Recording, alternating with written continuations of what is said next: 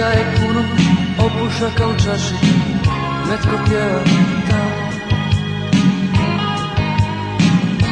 A mi pričamo A mi pričamo Priče koje vode samo onome Što nisu sigurno da želiš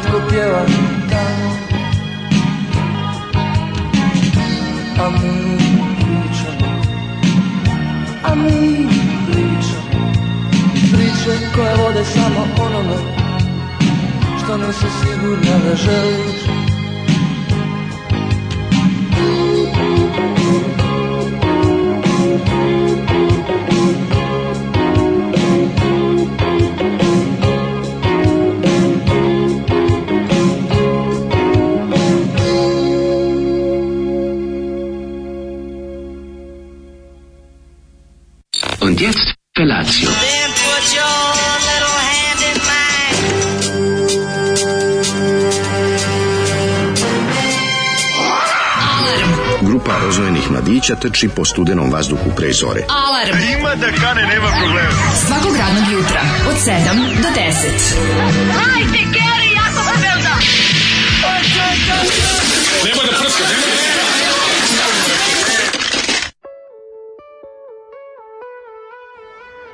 E, naš je život švicarska.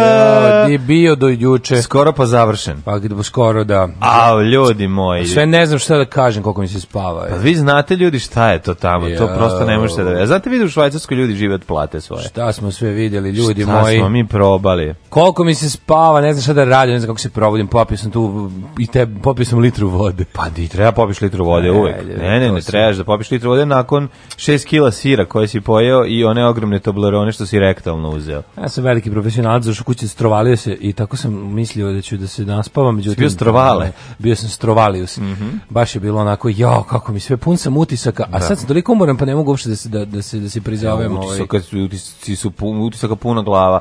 Pa jedan je osnovni utisak da se zahvaljujemo ristićima na neviđenoj zabavi. Stvarno je bilo nam... prelepo. Hvala svima koji su ovo istimali oko ovoga najviše ristićima, pa onda Evci, Evci da pa da ostalima zahvalimo. koji su ovaj, zaginuli bogami iz nas, pa onda se zahvalimo i nama, jer bez nama to ne, ne bez nama to ne, ne bi se nama moguće. najviše zahvalio. Ja se stvarno, bez sebe ne bih uspeo. Ne, ali stvarno. To je moj govor za Oskara koji ikad dobio. Sve, znate kako nama bilo u Švici? Ljudi, ljudi, vi to nemšte. Pa probali smo sve, jeli smo i švicarski rešti, išli videli se sa Stevom Karapandžom, išli ovaj, na koncert Parnog Valjka, išli na, dobro, ne moram sad da lažem, jeli smo švajcarski rešiti, to je istina, o, uživali u Švicarskoj, probali razne džakonije, išli kod doktora Ude Brinkmana u robnu kuću na kliniku Švarcvalda. Išli smo u, išli smo u kuću doktora Ude Brinkmana na kliniku da. na, na brd na ovoj planini Švarcvalda. Na planini Švarcvalda. Sastali se svi mlađici daškici. Tako je, na planini na Švarcvaldici. Sastali se. Stvarno je bilo jako lepo. Čač, mi smo bili dva i po dana, mi da smo bili duže. Kao da smo bili 20 dana. bilo puno dešavanja.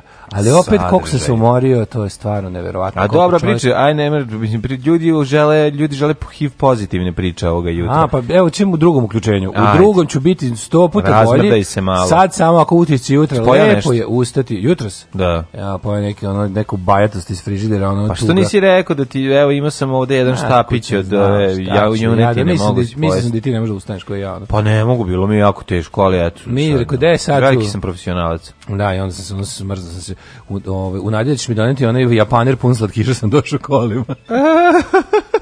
da, ih, da, da, ih ne bi nosio, ovaj, a da? da ih ne bi nosio peške. A kako ti ne, a mislim, stvarno živiš 500 metara odavde, ja, da realno. da se krećem, kako ti pa to nije jasno? Ne, da me nerviraš, stvarno. Znaš, kako ti to nije jasno? samo kreten može doći kolima. Ja znam zašto ti došao ovde kolima. Zašto nisi, pa- nego, zašto nisi palio auto mesec dana? pa da malo ono da ne bi jeste, bolo, da, da ne bi istrujili da ne bi istrujili pa creva. Pa mesto zaboj ispred kuće nisam uopšte ovaj da da se mrdam dubo Pa na. A znaš na pumpi nisam bio mladene od Pa ja mislim od da maja nisam. A zato si sad prokletinju mora da upališ grejanje, je tako? Ja konačno upalio grejanje. Ugreo sam se, pa sam ništa, ni to će tek sutra da, da ima efekta. Pa zato je jako važno. E, tebi, tebi je Prognoza vremena Drugarica možda Tea koja živi u mojoj peći da. i koja greje sada. Teja, pe, tea treba je bre 36 Čekaj, sati zagrešamo. Tea Teja pevačica kaosa. To je Teja iz kaosa. Iz da. kaosa, da. aha. E, tea pa čija je peć, ove se da. čuči tamo i greje, loži vatru i to Ovo tek radi. 36 sati nakon što kresneš teo, ona počne da radi. Aha, znači to tako je, radi. To je ona jednostavno takva, pa kasno pali, što bi se rekao. Tako da ću sutra u ovo vreme da kažem, dejstvom. bilo je možda čak i toplo. Mhm. A ove, čekaj ti pročitam par poruka. Ajde, su nas setili ljudi, su nas zaboravili bili. Kaže, slušam podcast od petka, ono za vojnu tajnu što je Daško rekao, čao, isto i meni rekao moj. Tako su ovi odagnali znati željne. Mm. Pa onda neko se razočarao opet u Novi Sad za koji je mislio da je stvarno predstavnica kulture. A šta ste? Odakle vam bre više iz čega da se da se skenjate u vezi? Čekajte, vi stvarno vi... stvarno mislite da je sad predstavnica kulture, što je normalno, šta je stvarno? Realno, šta očekujete od Novog Sada? Da. Mislim. Kaže, pusti Švicu, pričaj nam još malo kako ti bilo u Blackpoolu.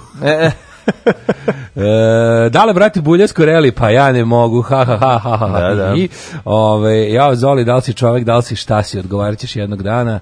Zoli, ako čuješ zvono, pravi se ludne otvaraj, nek pravi u Cirihu emisiju kad im je tamo bolje. Kako je dobra grupa Days Road, znači, e, ne, grupa ne, Days Road koju je pustio Zoli ovo da, da, da, da, majko, da, milo, mi samo jednu žutu kasetu, pustio mm -hmm. kasete, ovo, mm -hmm. ja u životu nisam vidio na ružan bend. A miš mora da namešta glavu, e, ovaj, azimut glave se ispomerao. Da. Pa, pa ja dobro, mi ne koristimo, kada samo on koristi kasete. On šude. samo, da, još on. Suzi iz 86. Kas, grupa Days Road i... Pesma Hotelska slušali soba. Slušali smo pesmu Hotelska soba. Mislim da ovde čovjek se sprema za prvi snošaj i ubeđava, ubeđuje, ubeđuje devojku da to ovaj, miris mora na moru su, piju džin i ona želi, on želi da, da oni nešto urade, ona nije sigurna da li to želi. Povratak kući sa posla bez poznatih oznojenih glasića u ušima, tako sve izgleda čudno i zastrašujuće kad niste tu. Evo. Treba da vam se uvede radna na subota. Dalje neću da čitam ovako zlog mm, zlikovačke poruke. Ne, te poruke. Te poruke koje sadrže da. ideje kao što su radna subota i ostalo, da. neću ni da pročitam. Tako je. Ove, ovaj, e, pa onda ovako. Pričiste kako pas nastao od lisice, niste mogli se setiti jednog psa koji ima lisiči rep.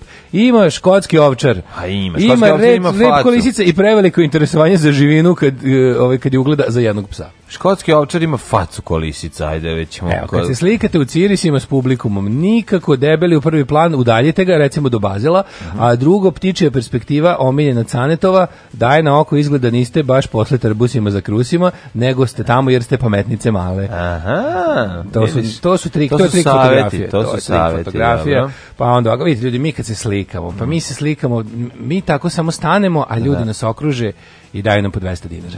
Da se slikamo. Ili ti po dva švajcarska franka.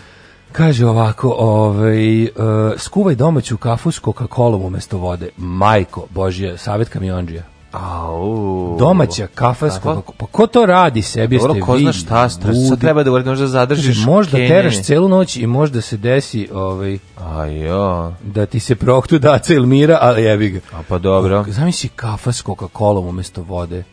Dobro kao neka pesma, ju, ju, kafa s Coca-Colom. Ovaj, znači, da, da uzmeš, da proveri Coca-Cola i da na nju gruneš dve kašičice kafe i da to zakuvaš. Pa to je pa pakao.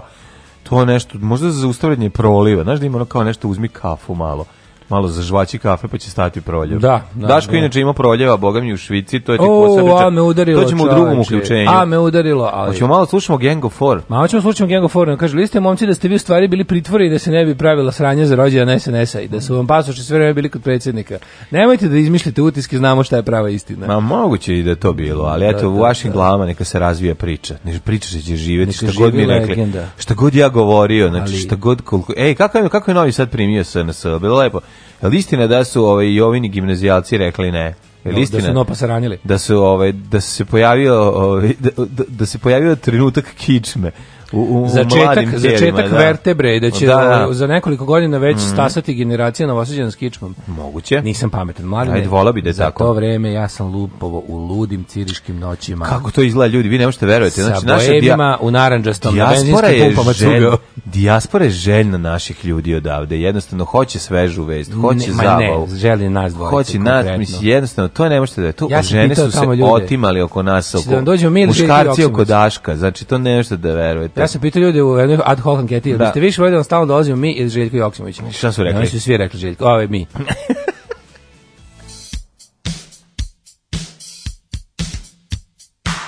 Slušamo Gang of Four.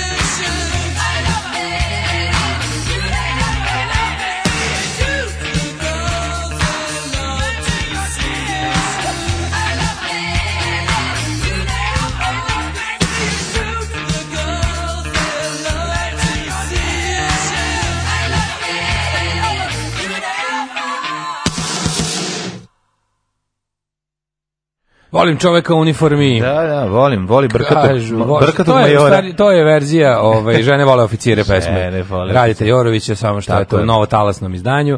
Ove, ovaj, I to putem od trapista. Imate jednog slušalca koji puca u jabuku kad se ženio. Dan pred svadbu sam shvatio da želim i to. Možda jeste običaj, a možda je Arkan izmislio. Uglavnom pogodio sam, pre toga oružje u ruci nisam držao. Bravo. Arkan izgleda držao oružje u ruci i to dosta nije pogodio. A dobro, zašto je ne znaš, puška s kojom pucao je bila iz Luna parka, tamo su krivili namerno Romi, ne bili što ljudi, ljudi što manje pogađali i ovi time morali da daju medvediće. Šetite se po Alpima, gori Stara planina, gori Vinča, psiho priznaje da su na vlasti radikali. Pozdrav s brda, odakle značajno smanjena vidljivost, redko viđem Novi Beograd, a viđem ga svaki dan. Dobro. Dobro jutro, anđeli od ljudi. Mi smo to pratili. Pa znači što ne odmoriste još? Samo htedog da provjerim da li ste tu, voli vas Marija. Tu smo Evo, Marija, kako, kako naša ekipa, kralja. Ekipa iz Sefarea. Naša kako Marija, tako je. Kako smo se lepo družili. Kako, kako smo prijateljstvovali. E, sada vam kažem. Kako je to bilo dobro. A sada vam pričamo. Znači, Najđe mi dođemo ovo. tamo, a ono naši ljudi. Tamo nas dočekali naši švicaci, naša profesorica iz Berna iz Bazela sa familijom, naši ljudi iz Njemačke koji su stigli, doneli nam đakonija svakakvih. Pa ljudi, moj, kako smo Znaš, stvari, ljudi, stvarno bilo, juče sam sve vreme strepe, hoće li nas bastaćovati tamo na, na aerodromu. Ja sam više da plašao, hoće li neko, re, hoće li neko zaustaviti i reći, aj sad izvadi iz torbe crni paket što imaš šta ti ovo unutra kakav je oprašak jer mi nismo ni pregledali šta su nam ljudi dali mi bi mogli biti šta ste mo, šta su mogli da nam uvale a neće valili da kakve mi bile mule Jusufi i pa kako bi mi smo kako bismo mi to ne može nama ništa dati mi sve pojedemo pojedemo to, pa zato da. zato niko ništa ne uvalio Daško proguto kakio sad one kesice heroina što su ti dali da preneseš ja sam jer kao da. realno, što mi zato idemo zove, tamo? Zato to kažu Brown. Žuto. Mora imati neki pravi razlog zašto se ide, ne zbog našeg nastupa. Kad se napunio klub, ljudi. Kad skrilom se traži karta više. Mi nismo znali da smo i toliko popularni u pa kantonu Zurich. Ja prosto ne mogu. Ja prosto nisam verovao. Ja znam da su muž da nas vole u Ženevi, slušaj. Ja znam da, da znam, znam za Arau, znam Arau, za da, Ženevu, da, znam za Lugano, al Cirih mi je novo da mm, smo tako popularni. Otkrio, da, znam da smo Inače, popularni. Inače, ljudi, zaista smo videli, prošli smo pored eh, prvog lokala nama dragog Steve Karapanđe koji je ove, se već koji u Švici je dugo vremena pokušavao da nađe svoj mir bežeći od užasa i rata u SFRJ. Bežeći od zaprške. Tako da ove, smo prošli tu pored tog znamenitog objekta, a zaista smo bili u ovoj kući u kojoj koja je igrala um, porodičnu kuću doktora Ude Brickmana. Da, dakle, ne, dakle nismo da išli da vidimo kliniku Schwarzwald, no, nego smo da, išli samo njegovu rodnu kuću. Napravili smo jednu ekskurziju u Nemačku, do tamo blizu, onda da. tamo naši, a i pa, u fabrici ljudi, piva. Idu tamo da, ovaj, da, da naprave šopinge za vikend, mi smo išli da se najedemo. Koje je bilo dobro. Da, da. I onda smo posjetili ovaj, sam kuću, čorbu. kuću Ude Brinkmana koja da. se nalazi pored ove pivare Rothaus. E, Rothaus to onako je nominjeno pivo u Nemačkoj. No, to je Rothaus nivou Jelena. To mi odlično mlečno pivo. To da, je znači, mlečno, osti se hmelju, oni, vazdu, oni ječam hmelju, oni vazdu. Vero, verovali ne, zaista prže ječam i prave. Ječam žito, uh, seme plemenizno. Žnjeju ga. I žnjeli su. Kosovka devojka. Ječam žnje. Znači ima, posud, ima jedna velika hala za žnjevanje. Za žnji. Za žnji pa su ga zažnjivili. Pa što radi lepa konobarica Aj, unutra. I to smo videli. Ljudi moji, ima dve ogromne krigle. Znači, to tako nije u redu, tako birati devojke da. samo na osnovu izgleda, a mi tako se nismo tome protivili, da. nego smo samo blendali. A Daško kaže, if I give you 200 check rounds. I dobiš mačinu. ona kaže, to je moja prošlost. To više ne radi. Sad sam lepa konobarica. Kako nam je. Pa onda... Ja kažem, konobarice na točinom pokali istine. Kaže, ona kaže, nix veršten. Ja kažem, dobro, nema veze, daj nam šta nam daš, pa smo jeli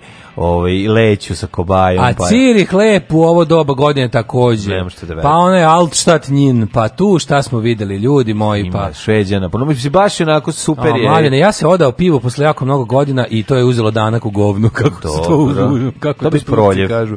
To bi proljev. Kako je morilo je, ali... Da, jako smešno sa njim ići, stvarno, kao da sam išao sa, sa ovim... Sam najboljim frajerom na svetu. Znači, on, sa najboljim frajerom na svetu. Ko i najbolji frajer na svetu? Pa ljudi pa, moji, šta možeš najbolji frajer na svetu su? Ide tamo od, od, od, od kuće do kuće, od čoveka do čoveka, imali neko probiotik, imali neko, znači on je jedničak dobio proljev. Obično se dobije zatvor od te količine sira koje se proždere, a, ž, a žnjeo si, sam, a žnjeo si sira baš dosta. A ne znam mu se broj. Ne znam mu se broj.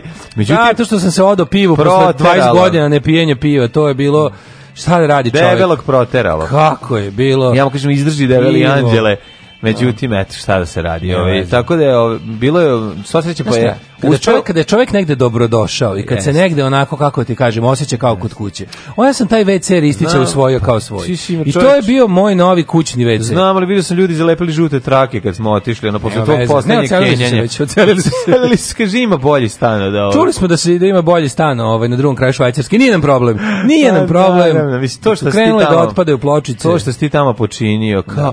Ja kao, pošto su ovi prekidači kod vas, baš mi se sviđa prekidač od, od, od govna.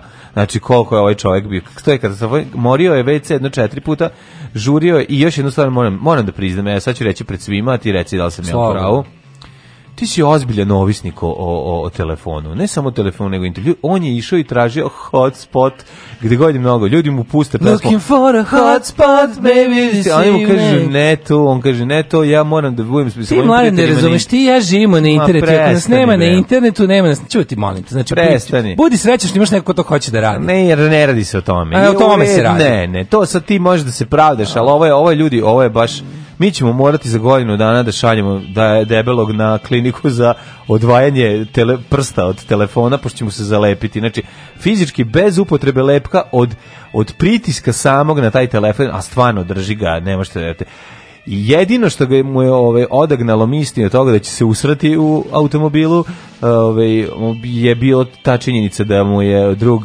ovaj Miša dozvolio da mu je ovaj hotspot i ovaj mogu da izdrži do kuće da se ne opogani. Dakle to je velika istina. Mene to malo zabrinjava. Sad je što sad treba da se seče to. Sad je trenutak kada rodi ja kao roditelj treba ti uzmem telefon i da kažem idi napolje među decu i igraj se. Idi porazgovaraj s njima. Nema veze što si katastrofalan fudbaler, možeš da poslužiš kao stativa. Stani tu napucaćete loptu koji put reći će iza tebe da si super. A ne, ovo bre nema smisla. Znači to vam i ljudi Kad prestane nastup, on uzme telefon i niti razgovara sa mnom. Niti on, eventualno kad se pojavi tako na barica, tu ostavi malo, isključi Wi-Fi, priča, priča, priča, priča, kada ona ide da posluši drugog, ovaj opet uključi. Tako da moram, ako imate neku kliniku za odvikavanje, takođe u Švajcarskoj od telefona, a verovatno ima, ja bih zamolio, ako možete da nam date adresu i da nas opet pozovete i da bude sve besplatno kao i sada. Izvolite, Jeste li kolega. probali fiken? Nismo probali, mislim, pitali smo, niko je to da nam da. Probali smo, pitali smo mi svuda može malo fikena, ne, ali bismo ne. Da. samo dobili prezrivi pogled i posl, pro, poslali bi nas dalje. Jeste, i milici. Mislim da fiken mora da ostane u drugoj turi. Ljudi, mi smo toliko dobili stvari da, da nešto moralo da se prenese, nešto mora da onda su ljudi drugim prevoznim sredstvima, jer da. to u avion ne more. Tako je. I onda flašice, ćemo da, flašice kao nismo... pravi gastosi što smo mm. postali za vikend, ćemo ići sledeće u toku ove nedelje, yes. ćemo ići na stanicu u Novi Sad da sačekamo paket sa ostatkom darova koje ste nam doneli, jer jednostavno e, bilo je toga. Tamo ići biti i fiken. Tamo će biti fiken, pa ćemo onda i mi probati pa konačno taj fiken. probati, naravno. I Faust fiken i normalno. Mm -hmm. uh, molim vas da obavestite svoje slušalce da se gledanje filma Halo Taksi smatra samo povređivanjem. Mm. Ja sam gledao za vikend i još me boli posekotina koje sam dobio na mozgu tom prilikom. A, kaže, probaj svoje tejci da zameniš grejače za par iljada. Moj babo zamenio posle 100 godina. Teja se puni i greje ko luda, a babo se ponovo zaljubio. E. A nije, nije to grejači super rade, nego taj šamot ljudi mora se zagreti, to su ciglje. To ne, koliko dugo ne možeš ti to da ubržeš. Nema tu šta, moj, ja sam kad sam je otvarao pre nekoliko godina da uradim remonat, ti grejači su znači, bili... Znači radio si remonat?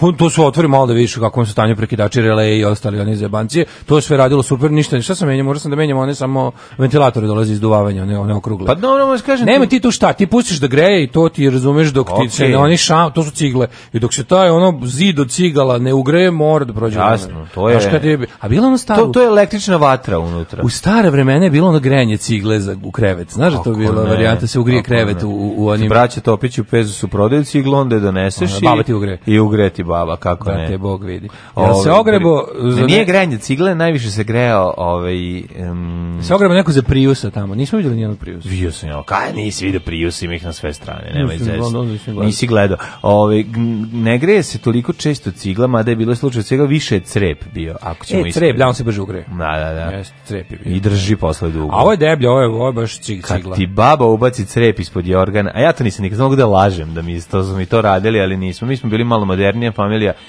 topla voda bi se sipala u petolitarku flašu, zavrne se i da vidiš do Kaži, jutra. Baš mi je gradiš. bilo lepo zajedno, ovaj pljuje ga pet minuta, aškali je malo dušu da olakša sebi. Pa nije, nego samo sam se zabrinuo. Rodhouse je fenomenalno pivo, Burazir živi blizu, pa znam.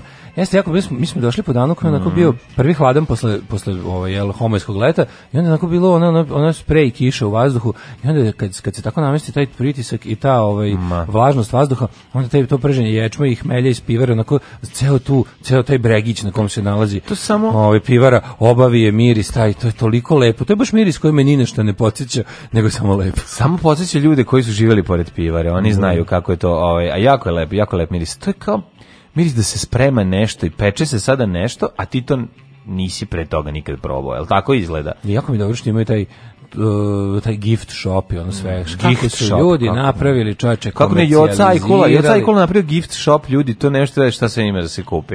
Znači, ima... on njegovog onog pera što fura na uhu. Znači koliko što je leder recimo, to je interesantno. 240 evra. 240 evra leder da, hozne, da, da, čovječe. To su one alpske, to su one bavarsko, Kožne pantalone. švapske, bavarsko-švapske, kratke. one kratke pantalone, koje su zapravo nekog, ovaj, šta je to, to neka koža? kože, kravlje. Kako, a što je, kako ofarbaju zelenu kravlju kožu? Pa kako su to radili, ima kako su to radili u, u minulim vekovima? Kako se farbala koža u zelenu? Pa zna se, uzme se obokvica, natopi se bokvica u, u, u vodi iz potoka, ostavi se 24 časa zajedno ovaj, sa, sa kožom i onda se izuči i divljačkim farbanjem ofarbo sam kožicu. Mislim, vrlo je jednostavno i jasno. Ja ne znam što tebi, ti čovjek sve treba da objašnjava.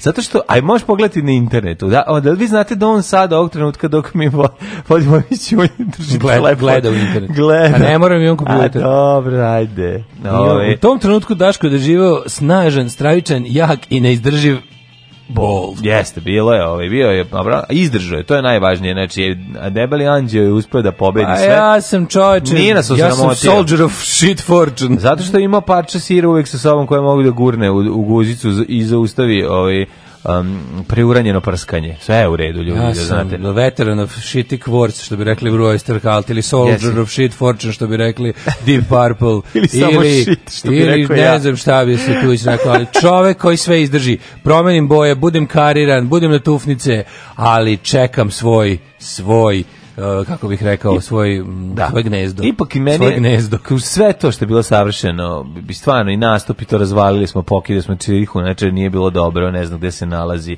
Ono mi valjamo fazone, ono ludilo, kvezilo me. Što je bilo najdraže? Najdraže mi bilo da Kad smo seli na pumpu da pojedemo ne, zajedno to. sa drugarima iz hoću majicu ko hoću u gradsku čistoću. Nisto gradsku čistoću, nego bauštelci. Bauštelci? Nisto, da, gradsku Kad smo seli s baušte, bauštelcima, ovaj zajedno. Naša ekipa znači, naša seli ekipa. znači. Gledam šta ljudi vole da pojedu. Jovo Bro, Ramiz, da.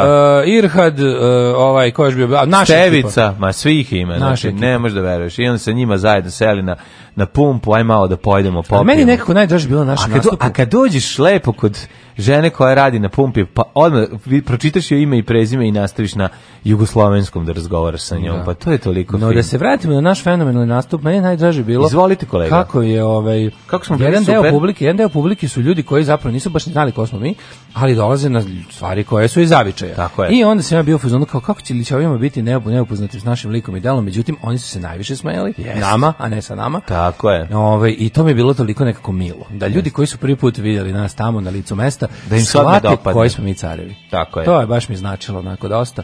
Ove, I bilo mi je lepo. I, čekaj, e, bio nam je čak i ovaj, dežurni SNS-ovac na koncertu. Ej, to smo imali, da. To, to je bilo je... jako dobro. Bio, da. Riko, bio, bio liko jedne naše fazone rekao, samo da znate, imaju švajcarskoj korupcije. Znači, kako to bilo dobro. Znači, kao došao posle našeg nastupa da ispaka, e, je super bilo kao, ali kao... Ali ipak da znate. Zašto ne zajebavate i Đilasa? I onda sledeći pa pa slušaj, i slušaj, bilo je još da dobro, i bilo je još dobro, kaže, samo da znate, ima i ovdje u Švajcarskoj, nije, ni ovdje sjajno, ima i ovdje korupcija. Što došli smo u zemlju da. apoteku, došli smo u nešto najsuprotnije septičkoj jami u kojoj živimo i kao, ej, ali nije ni ovdje idealno. Pa dobro, nije idealno, verovatno ima i boljih mesta za život, ja sam siguran, ovaj, ali je bilo interesantno to kako on nastupio u odbranu. Zapravo, zapravo čovjek se nije upalio, čovjek se nije upalio dok ima, nije išao fazon ovaj vezan za aktualnu vlast, što mi je simptomatično. Stranka ima agente spavače po agente spavače po, po, po, pa da. Po, ovaj, po, po super zemlja. Da, da, da. I to znači, ja bi, njegov posao je dobar posao. Ja bi, ovaj, njegov posao je da objasni drugim ljudima kako u Švajcarskoj sranje. Ako ste patriota zemlje u kojoj ste se našli, do, da. u, kojoj, iz koje, u, u koju vas je Srbija oterala, mhm. imate dužnost da vlastima prijavite rovarenje agenata Srpske napredne stranke. Što je dobra ova stripticeta, što me uzbuđuje njen ples. Alarm sa mlađom i Daškom.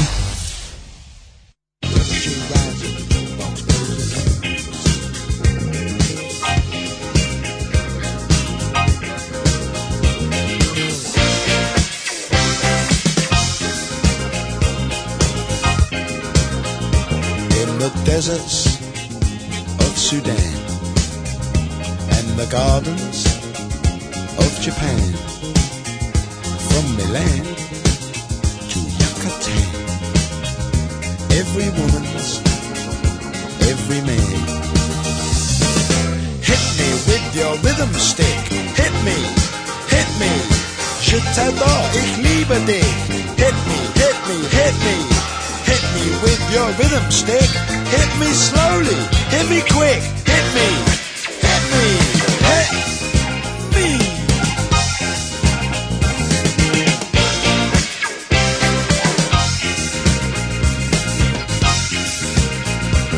the wilds of Borneo and the vineyards of Bordeaux. Eskimo, Arapaho, move their body to and fro. Hit me with your rhythm stick. Hit me, hit me. Das ist gut, say, fantastic. Hit me, hit me, hit me. Hit me with your rhythm stick. It's nice to be a lunatic. Hit me, hit me, hit me.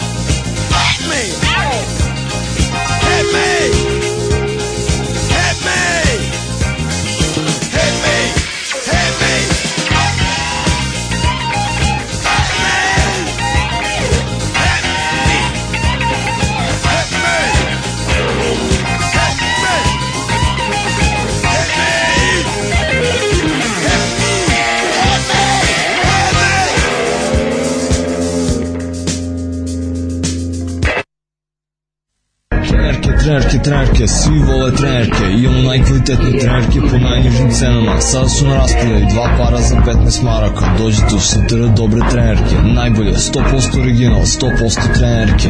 Dušanova 15, tako je, Dušanova 15. Baš tako, dođite u Dušanovu 15. Ženski boli po muškarcima kvalitetne trenerke.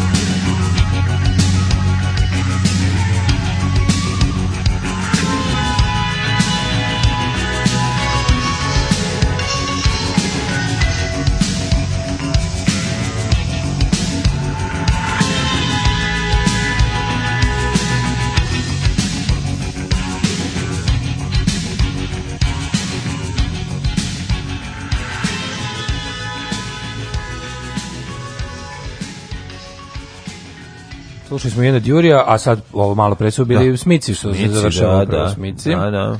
Jeste, jel ova serija išla na početku serije Charmed, kad se setim samo silnih svirki sintisajzera, hvala za ovaj flashback. Jeste, ali je bila, ako se ne varam, e, obrada Bila je verzija od Psychedelic Furs u, u, u špici od Charmed. Nisu Charmed. Bili, da, bila je, bila je pesma Smica, ali su izvodili Psychedelic Furs. Charmed, ili su to veštice? A ono sa ovom kako, Shannon Doherty. Kako ti kod nas to zvano? Veštice? Nešto? A, veštice iz... Ne, ne, čari. Čari, da, čari, da, da, čari, veštice. Čari, da, ja sam veštica tinejdžerka pomešao sa čarima. Ova da. stvar mi zvuči kao da ide preko druge stvari. Pozdrav, drug Kulen. Mm Utisak nedelje, Daško miriše najlepše na svetu. To je utisak i meni i mog dečka. Bravo. I Brka i dečko su to pomislili. Dobro. Ove, YouTuber iz Amerike Mr. Beast pokrenuo kampanju sađenja 20 miliona novih stabala širom Amerike u proslavu dostađenja 20 miliona subscribera.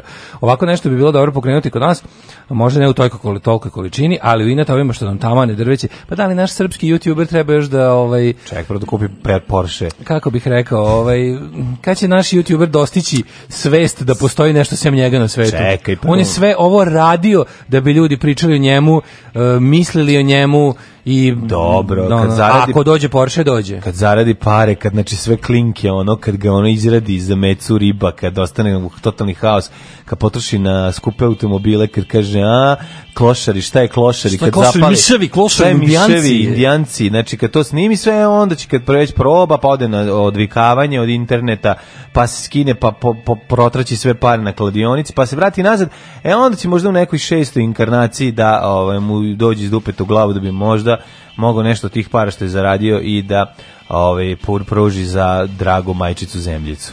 E, a o, ovaj, nešto sad baš razmišljam, sve koliko treba da prođe još vode Dunavom i samo da tamo neki baka prase dobije iskreni napad nekakvog onako, kako bih rekao, pa to, makar i tog ne iskren, nego neko neiskreni napad. Ne, ne iskreni, koliko on je klinja bre, čekaj. Šta on klinja 23 godine, šta je klinja bre? Klinja je 23 da, godine, e, šta da. očekuješ za njega? Kad budemo 43 godine, možda će nešto znati. Ono. Nema, što sporo ide to kod njih. Skoro, Puno, je, ono, ne može to. što sredina neguje njihovo govnarstvo i ah, to je... to ti pa kažem. mi hoćemo da on bude ono to... A da, ne očekivati od bake praseta puno, mislim. To pa on je svoje odradio, šta je odradio i... Ima on još, ja mislim da to nije gotovo, treba još ono, kako se kažem, obličavanje mladih ono naraštaja, no. Da. ugovnavanje mladih naraštaja je, je Jedan proces koji nikad se ne pa, Dobro, ne moraju baš svi da gledaju na kraju kraja. To je na internetu. Znam da je super otići na YouTube i gledaju to, a može na YouTube da se gleda i one man, one jar. Ima i drugih na, načina da se ovaj, upropastiš na YouTube-u, Ne mora samo njega, mislim imaš i druga Indija. Šta bi se znaš, zato što mladi vole da gledaju i što vole ja, da se. Kapiram. Da ti voliš onu majicu šajim se. Ja to kad vidim, ne, razmišljam kao kad već sebe bi pucao u nogu. Odmah. Valjda valjda ovaj kao mislim nema pojma šta je Mr Beast, čime se Mr Beast bavio, ono, ali za Mr posto, Bina. Postoje ovi neki ljudi koji koji čiji či YouTube kanal već sam po sebi jeste public service. Na primjer drugi Indi, on ne mora sadi da reći, on već radi na plemenitom cilju. On sad znanje. Pa sad i znanje, pa bukvalno. Pa dobro znanje, ima. Bukvalno okay. sad i znanje, ne mora sadi drveće. Da A ovi što su nekako trošači vazduha i zagovnatori uh, mladih da. umova bi mogli bar da vrate neko drvo u prirodu. A, pa pozdrav za moju snajku Mar... Mariju valjda, mm -hmm. i mhm. Batu iz unutrašnjosti, oni su opet juče spavali kod mene, a ja sam im obećao maltretiranje vašim glasićima od 7 ujutru, kao i letos, ali su se izvukli pa su bili tužni. Mhm. Obećajte da ćete sledeći put biti tu kada oni svrate. Bićemo, bićemo. E, da baš juče kad smo mi... A oni baš ono napravili štelu da kad smo mi u Švici da onda dođu. Ovo, jer samo nemoj da nas smaraš glasovima ovih novosađana oslobođenih od fizičkog vaspitanja. Mm. Hoćemo ići u prošlost. E, kažem, e, pa nije to srpski youtuber, vi pričate o Đaniju Ćurčiću. Ne razumijem koji. Mr. Beast, Đanić Ćurčić. Ne znam, bre. A, ne znam. Ove... Ne znam, ja nisam pričao Đani Đurić, ja sam pričao Baki Prasetu, a nešto je Daško pričao. Ne, ja sam pričao Baki Prasetu. Što mi ne slušamo. Nama je jako važno da imamo vikend u kojem se ne viđemo jedan drugog, pošto onda ne, ne, ja sam utorak. Meni pada Baka, za nije Baka Praset ubedljivo naj ono kao subscribe-ovani youtuber sa ovih prostora, pa, zar nije ono pa kao number one, ja, by da- far, ono kao ne, da- ne, znam, neki baš. Ove, ovaj, e, tako su naši stari govorili mm o mhm. nama. da li može primjerka da čestite mom drugu Pekezu rođenda? Pekez. Pekeze. Pekeze. Pekeze. Naravno da može srećen rođendan. Hajde, Ajde, pravimo. Digital, samo neka bude i sve neka bude u fulu. Ovaj ajmo da, da idemo u prošlost.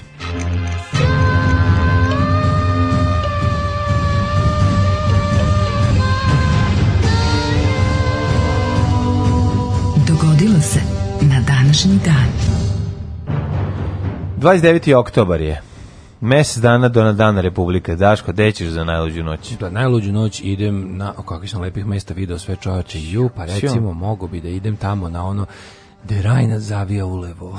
Ju, pa to. Ej, da levičarska, da levičarska Rajna. Juče umalo da odemo na izvorište Dunava i da ga mhm. začepimo mm. i da Bane Krstić više nema čemu da peva. To je bio originalni plan. Mm -hmm. Međutim, ovaj, zbog eh, put je bio zatvoren. I onda smo skrenuli na drugu stranu i rekao, znaš šta, jebeš Dunav, idemo kod Uda Brinkmana i da pijemo da, pive. Ravno. Da pijemo pive, jedemo kobajsce, a ovaj nek... Moram eh, se požalim, nema dovoljno artefakata ovaj, koji mogle se kupe vezani za o, kliniku Schwarzwald, ostali su samo o muzijski primjerci i VHS-a i mali set. Pa ovaj, VHS set, box set klinike Schwarzwald da. koji dolazi u ovaj u kartonskoj kutiji u oblici u obliku Obliku klinike Schwarzwald. Klinike, da, nema šta da verujete kako je dobro. Znači hrvatski hrvatski dan ljekarni. E.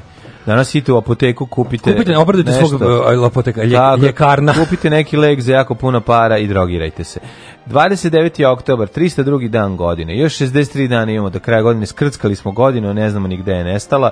Događaj meni počinju tek 588. Meni 439. kada su Izvoli. vandali preduđeni kraljem Gejzerihom osvojili Kartaginu, koja je postala glavni, glavni grad vandalske države u Africi. Jeste, ovaj, pre toga Kartagina razorena, totalno, jeste. Ili pre ili posle toga, zar nije ovaj prvo to tamo, ovaj, kad su Rimljani pošto ovi napadali Rim, pa kad su ovi jednom da. da. okrenuli, rekli Verovatno sad postao. za kaznu distraction. Verovatno sad ćemo da postao. da budemo mi, ovi Rimljani ćemo da budemo vandali u Vandaliji. Mm. A koje u Vandaluziji, tako zvani, da su živjeli vandali. 439. Aha, moguće da. Vandali žive u Vandaluziji. Uh, 500, pa prešli su nekad mali u Vandaluziji, to je u da. Španiju.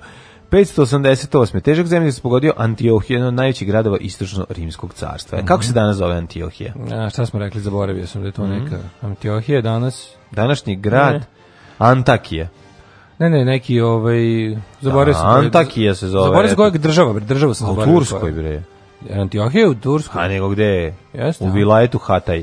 Dobro. 30 km od sredozemnog ja mora. Ja nemam 13 vekova grad. ništa. Hvala bi da odem u Antakiju. 13 vekova nemam ništa sve do 1814. Izvolite kolega. Nije ti isto, ali? Da? Ništa. Kad je prvi da ratni da brod Fulton, Mogu da izmislim.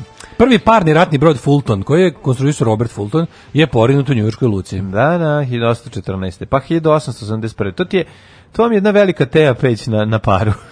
da.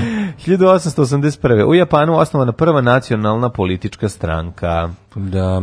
Oni da. su do nisu imali nikak, nikakav stranački sistem dok nisu se o, jel videli došli zapadnjaci doneli im su doneli kao što je tekovine kao što je više stranačije. Mitraljeze, topove i više Puške i više stranačije. 1888. Da. U Zagrebu potpisan konvencija o Suetskom kanalu prema kojoj kanal treba da bude slobodan i otvoren za vreme rata i u vreme mira. Za sve trgovačke ratne brodove bez obzira na razlike vojnike u zastavama. Ja, da, to je bilo malo neizvodivo, pa onda ne bude neko vrijeme su ga zatvarali. Tako, zar ne prvo su bio zatvoren? A bio je bio i zatvoren i ovaj i činje mm. i činje neprohodnim i svašta su mm radili, nego baš je ovako ovo dosta ovako kako preko progresivno formulisano. Da, da.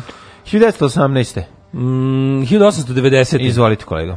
Ti ne znaš kada je na sednici e, četvrtoj Dalmatinskog sabora yes. Miho Klajić predložio da se u Zadarskoj gimnaziji umjesto talijanskog uvede hrvatski kao naukovni jezik. Bravo Miho! Miho! Miho, majstore! To je Miho. slovenizacija Dalmacije, pozdravimo. Tako je. 1918. Hrvatski sabor posle raspada Austro-Prugarske u Prvom svetskom ratu proglasio raskid državnih pravnih odnosa s Hrvatskom monarhijom proglasio pristupanje Hrvatske kraljevini Srba, Hrvata i Slovenaca nećemo da idemo tamo kao gulski u magli, govorili su ovaj Stjepan Radić ove, pa Stjepan Radić kada je stigao sa ekipom u Beograd, ovaj moramo vidjeti šta će nam ponuditi, ali na kraju ovaj nezavisnost je bila važno je bilo odvojiti se od Austro-Ugarske pa ćemo posle vidjeti šta ćemo i kako ćemo.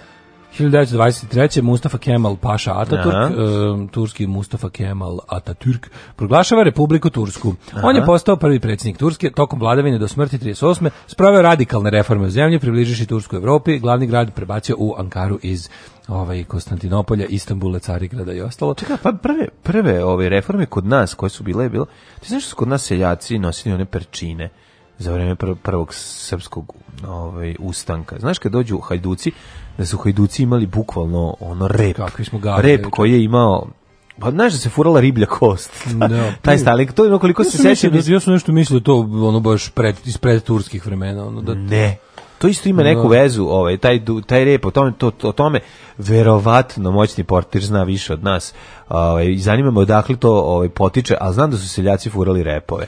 Znači, pa posle su repove na opre, počeli da furaju fanovi, pa dobro, pre harmonikaša i o, o hard rocke nisu znali pustiti repove, pogotovo su fanovi grupe Omega. U ono, u ono vreme tad je hard rock još bio dosta redak. Da, nije bilo hard rocka, bilo je hard... Klasik, bio 60 je tad. Da, da, da, bio je vojni rock. Bio je vojni rock, mi baby. Da, da. 1929. Da. Krah mm. njujorske berze, poznat kao crni utorak, a ovi su mm-hmm. imali to, znači to kad krenuli crni, pa crni petak, pa crni zanimljivo četvrtak, da pa crni utorak. Ne, zanimljivo da je četvrtak bio pre utorka.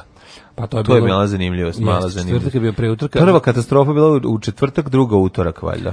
Početak velike krize koja uzdrmala temelje američke privrede kasnije se počirila na ceo svet, industrijska proizvodnja pala uh -huh, uh -huh. na mhm. nivo s početka veka, bez posla ostalo 26 miliona ljudi. Da, znaš, koliko ja je e u Nemačkoj koštao? 260 miliona maraka. Da. Koliko od nas? To je bila prva hiperinflacija u savremenom, ovaj, pa, da. savremenoj ekonomiji. Mi smo naravno i nastavili u tom fazonu da budemo ovaj, i da je proizvodimo inflaciju i kasnije. 41. je streljano u, u Osijeku Ustaše streljali šestoricu jevreja zato su prikupljali prilog za crvenu pomoć. 56. Suetska mm. kriza. Evo ga. Na dan, viš kako je počela Suetska kriza na vreme na dan kad je otvoren Suetski kanal. Mm. 56. Koja je opera Laida komponovana za otvaranje Suetskog kanala? Ja mislim da jeste. Je li tako bilo? Ili na Bu. Ja Aida, Aida, Aida, Aida, da, to je da, da. Verdi. To je Verdi. Jeste. E, dva dana uoči Fra, francusko-britanskog napada na Egipat, izraelska vojska Počela, napala je Sinesko, da. poluostrvo. Da, da, da, da. 61. Sirija istupila mm. iz Jedinjene Arabske republike, e dugo vam je trajala, to je kad su mm. Egipat i Sirija imali zajedničku državu. 69. student Univerziteta Kalifornije je poslao prvu poruku na ARPANETu, preteči Arpanet, da, interneta, da, interneta prema računaru da. na Stanfordskom istraživačkom institutu. O, znači, mm -hmm studenti iz Kalifornije. Između ovaj uh, aha, ovaj University of California i Stanford. Da, da, da, su se povezali ovaj na kompjutersku mrežu bez bez ovaj bez direktne veze. Au, oh, majko. Ovaj kako zove. Pa to je. Taj događaj o, označava početak ere interneta. 74. ovaj au pazi ovo, pazi ovo, molim te, pazi ovo. Kako su napisali? Kod Gospića poginuo hrvatski domoljubni gerilski dvojac Matičević Prpić. Oni su izginuli tu. Pa verovatno neka ustašija iz demigracije došla nešto pokušao pa ih izrokali. Ne. Domoljubni geralski dvojac. Ne 92. Eh, ovaj Srbi zauzeli jajce. Da. 40.000 Hrvata i muslimana ovaj, proterano u smeru Travnika. 95. parlamentarni izbori u Hrvatskoj na kojem pobedila HDZ. Ovaj pa onda ovaj e a u Zagrebu pobedila opozicija SDP. Jel tako? Da. 96. u Beču održana aukcija 8000 slika skulpture i ostalih umetničkih dela koje su od austrijskih jevreja u Drugom svetskom ratu oteli austrijski i nemački nacisti. Koji prihod je išao onima koji su preživeli holokaust 96. 96. da, da, to ogromne ovaj svote su. A tu su negde tamo negde 90 i neke kad je ono ovaj ko je bio? Ko je išla euforija koju da. je nemački ostali kad je videlo da će to da to može, onda je krenulo ovo i ako se sećaš krenulo je malo pojačano to da se traži nadoknada za robovski rad i ostale Ali stvari pojedini, koje su u Rajhu ljudi. Pojedini ovaj pokvarenjaci iz eh, ovaj vrha nacističke par, part, partije su baš bili onako ovi ovaj, ljubitelji tuđih stvari. A našto antikviteta ga Gering je imao Gering posebno se da. hvalio, znači ja sam gledao sad ono kod ovaj u njegove planove kao za posle rata. Meni su najbolji njihovi planovi za posle rata, ne. Da. tipa ono kao kako će izgledati Evropa, koja će se zvati Germanija, da će glavni grad biti u današnjem Parizu i tako neke gluposti, a Gerin a je smislio kako će da bude muzej, šta? Da, ne, da, Gerin će imati kao svoj za života ogromni umetnički centar gde će biti prikazan sva umetnička dela koja će biti u njegovom vlasništvu, ali on dobar kakav ga je Bog dao, će omogućiti ostalima da vide šta je sve nas palo po njegovu šapu tokom je ovaj pretvaranje Evrope u, u arijevsku domovinu. E, zvanično da prijavim da mi je crko ovaj računa na koji sam platio vrtoglavih 100 evra, tako da ovaj, počelo je, počeo da emituje svemir. Znači, e, sada da sam pokvaren. Podsjeća, na spot grupe Sada repetitor. sam pokvaren zajezobite kako si ti meni govori kako moj 60 evra ništa ne valja, a on kano plisuri da radit ćeš 5 godina. Radi bolje od ovog mog svog Radit, radit ćeš 5 godina. Ali dobro moraš znaš jednu stvar, ja uvek ovaj moj mogu priključiti na drugi ekran. Volite. Zato što rastaviti, crko je samo Volite. ekran, nije crko. Ti znaš da živiš. Po pa boš me briga, ono puno svoj 1998. komisija za istinu Južne Afrike predala izvešte mm. predsjedniku Nelsonu Mendeli, mm. u kom su bivši predsjednik Bota, Mandela na bivša sutruga Vini, Butelezi i Afrički nacionalni kongres optuženi za kršenje ljudskih prava. Mm -hmm. Pa zar je vini? Mm -hmm. Zar i ti drugarice vini? Uh, 98. veteran američke astronautike John Glenn 77. godine Space Shuttle Discovery ponovo polete u kosmos. Mm -hmm. A 99. Iranski predsjednik Muhammed Hatami završio posjet u Parizu prvo od 1979. tokom koja je apelovao na globalnu toleranciju i bolje povezivanje sa e, zapadom. E, srećen je bio Iran kad su mu takvi sedeli u Parizu, da, a ne da. u Teheranu. 2000 te više od 3000 ljudi demonstriralo protiv neonacista u nemačkom gradu Düsseldorfu. Düsseldorfu. Da. A 2001. Japan usvojio kontroverzni zakon koji da dozvoljava da. japanskim oružanim snaga prvi put posle drugog rata da budu angažovani u inostranstvu e, kao podrška američkim napadima u Afganistanu. Jeste, to je bio veliki skandal i ovi isto kada su ovi e, u Nemačkoj isto bio skandal da su prvi put mhm. ako se ne varam u Afganistanu angažovani. Mada u stvari bili su angažovani pre toga ovi nemački piloti u bombardovanju Jugoslavije, ako se ne varam, ili ne, ili nisu bili nemački piloti, nego su, ali jeste Nemačka učestvovala mm. na neki, na moguće da su čak i piloti leteli, nisam da, da. siguran, ali znam, da, ali znam da je to bilo prvo angažovanje nemačke vojske ovaj, van granice Nemačke od drugog svetskog rata, što je izazvalo veliki bes dela stanovništva u ovaj, Nemačkoj, a u Afganistanu su išli u full misiju, znači da, da. baš ono što kažu, uh, kako to kažu u NATO, boots on the ground a moja je mama kazala ne to radit, ti si mlada, tebi krv mora pregore u džubretu. Džubre je jako žveć toko. Alarm sa mlađom i Daškom.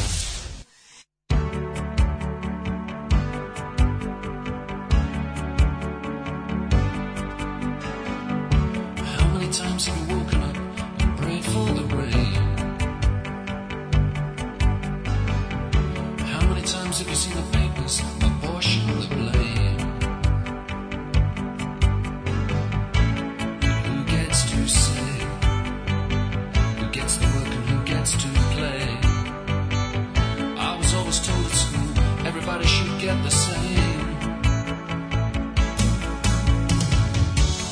How many times have you been told if you don't ask, you don't get? How many lies have taken your money? Your mother said you.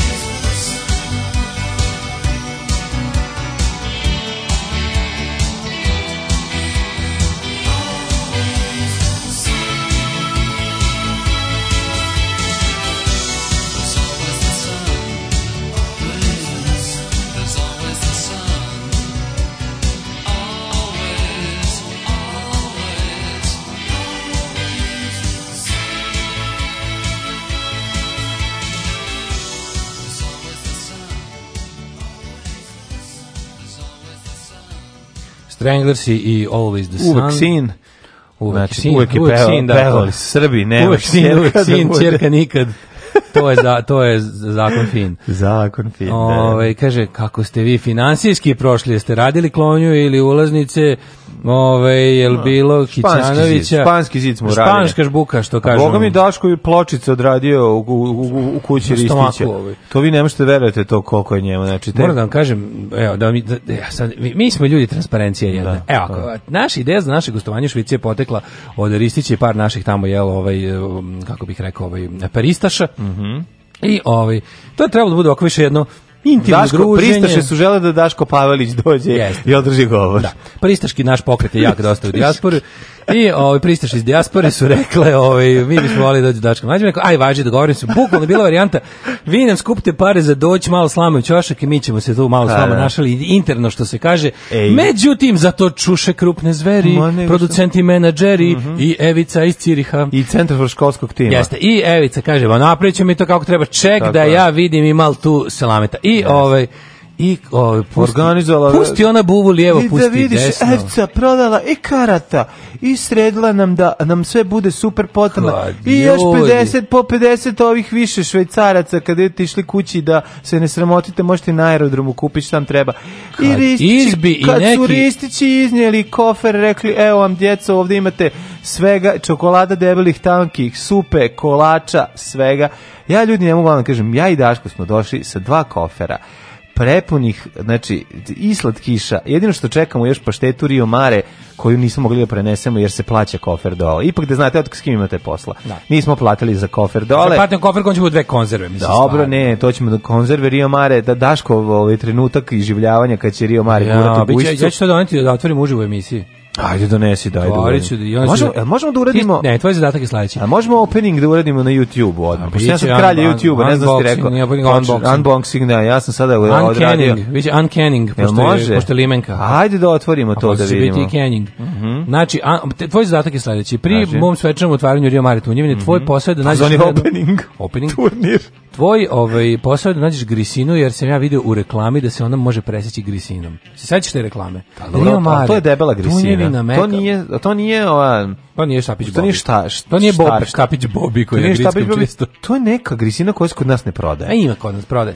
Desperate. E, ima one da. italijanske grisine, one malo džeblje. Mm -hmm. o, ima to da se kupi u tamo, u, u ima sad u ovim našim radnjima. Uzeš, tako da molim te... Sveže gleba pa Tako da molim da te, da hoću da sečem Rio Mare, tu hoću da bude kao reklame, a posle ćemo da. uzeti dve orbiđvake kao reklame. Mogu ću ti donesem šal, jedan baš da izgledaš kao Kevin Sin kao ovaj Majčin ovaj, Kostner. Kao Majčin Kostner, da. Kao Majčin Kostner, on ima da. tu neki svileni šal, njemu da nema. Da, ima šalu u reklami neki, zato sam ga, pa Frano Lasić je. Da. Pa malo šal mu upadne u tunjevinu. E, kaže, sad čekajte, proleće Skandinavije kad vas mm -hmm. dovede. Oh. E ne, ja, mi, ja predlažem, ja predlažem, ja predlažem da svi da- takmičite. Ovaj e, tačno ovaj sad kad krene takmičenje u ugošćavanju da, da, pa, neka to bude jedna tradicija lepa. Evo mi predlažemo, eto, neka to bude jedna lepa tradicija da ćete se vi kao kreativni pojedinci da. rasuti biseri po celom svetu, takmičiti ko će lepše ugostiti nas. A ja sam stevica, ko će nam pa više piriti u dupe, sretim, ko će više da nas vodka, nutka i ja. Da. ostalo sve, i platka. Mm. tako nas, da to može da bude. Dok nas ne budu pozvali konačno ono u, u Somaliju na poslednji naš čobare. Jeste, da će nas mi naravno da će piratizovati naš nastup. Tačno sam znala da vas Jevica organizovala, ja sam nju upoznala na moru pre par godina. E. Organizuje, jako fina devojka, drago mi je da ste uživali. Jeste, bilo je savršeno. Bilo ja, potpuno, stvarno je bilo prelepo. Od tri dana keza na licu. Najbolji, naj, nije kez, kez, kad idemo u Mađarsku, ovo je bilo, misli se na kremu kez. Da. Bio je osmeh, stvarno, ovaj, širok osmeh i nema zub, bilo je baš genijalno. Da, kaže, bilo je etničkih švajcaraca. Pa ne, je bila etnička švajcarkinja za šankom koja je mhm. udata za našeg čovjeka i to je bilo isto lepo. Umirala je od smeha. Jeste. Svaki put ovaj- kad bi ostavio neko bakšiš. Da, budi i ti Daško Vjutka, može tako da se zove akcija. Mhm. Ove, ovaj, e, eh, je li bilo Aleksa u Valih pri graničnom pretresu? Nije bilo graničnog pretresa. Ništa, pa ste znači- nije nismo imali one, došli smo tamo u trenutku kad ili se menja smena, jel ovi nešto su odmarali. Niko nije bio, ovaj, ali kako, da. kako bi, ali ne vezi, podmitili bismo, imali bismo svako, dobili bi jedan merci, ja sam bio da. spreman da žrtve Merci za zarad četiri Mercije u kopu. Ne, ne dajemo Merci. Merci ne sme pasti. Ajmo da vidimo. Daćemo im lakriz bombone, toga imam puno. Da, da vidimo ovaj rođendani. Rođendani. 1507. Fernando Alvarez de Toledo. A Heinrich III ti ne odgovara, on njega ne voliš. Kad smo se protiv njega borili u o, Return to Castle Mislim, je Heinrich prvi taj. A, Heinrich prvi, aha, dobro. A, 1507. rođen je, izvolim. Fernando Alvarez de Toledo, španski vojvo, vojskovođa i vojvoda od Albe. Čuvani ove ovaj, španac koji ovaj, u, u koji su italijanskim ratovima istakao, istakao se po surovosti, bio na jedan čovjek vremena svoga vrlo odlučan i neumoljiv i može se reći da pokvaren, da ali je kao oficir izdao prvo ako se sećam dobro ove ovaj, priče o njemu, pošto je jako se drug Bešlin, profesor Bešlin, Branko se jako ložio na njega i objašnjavao je to bilo. kako, pa nije se ložio, sad ne ložio se na to vreme, predavao je predmet taj novi vek ovaj, jedan i onda je nje, ovaj, vrlo često bi nam o njemu pričao kako to izgleda ta surovost.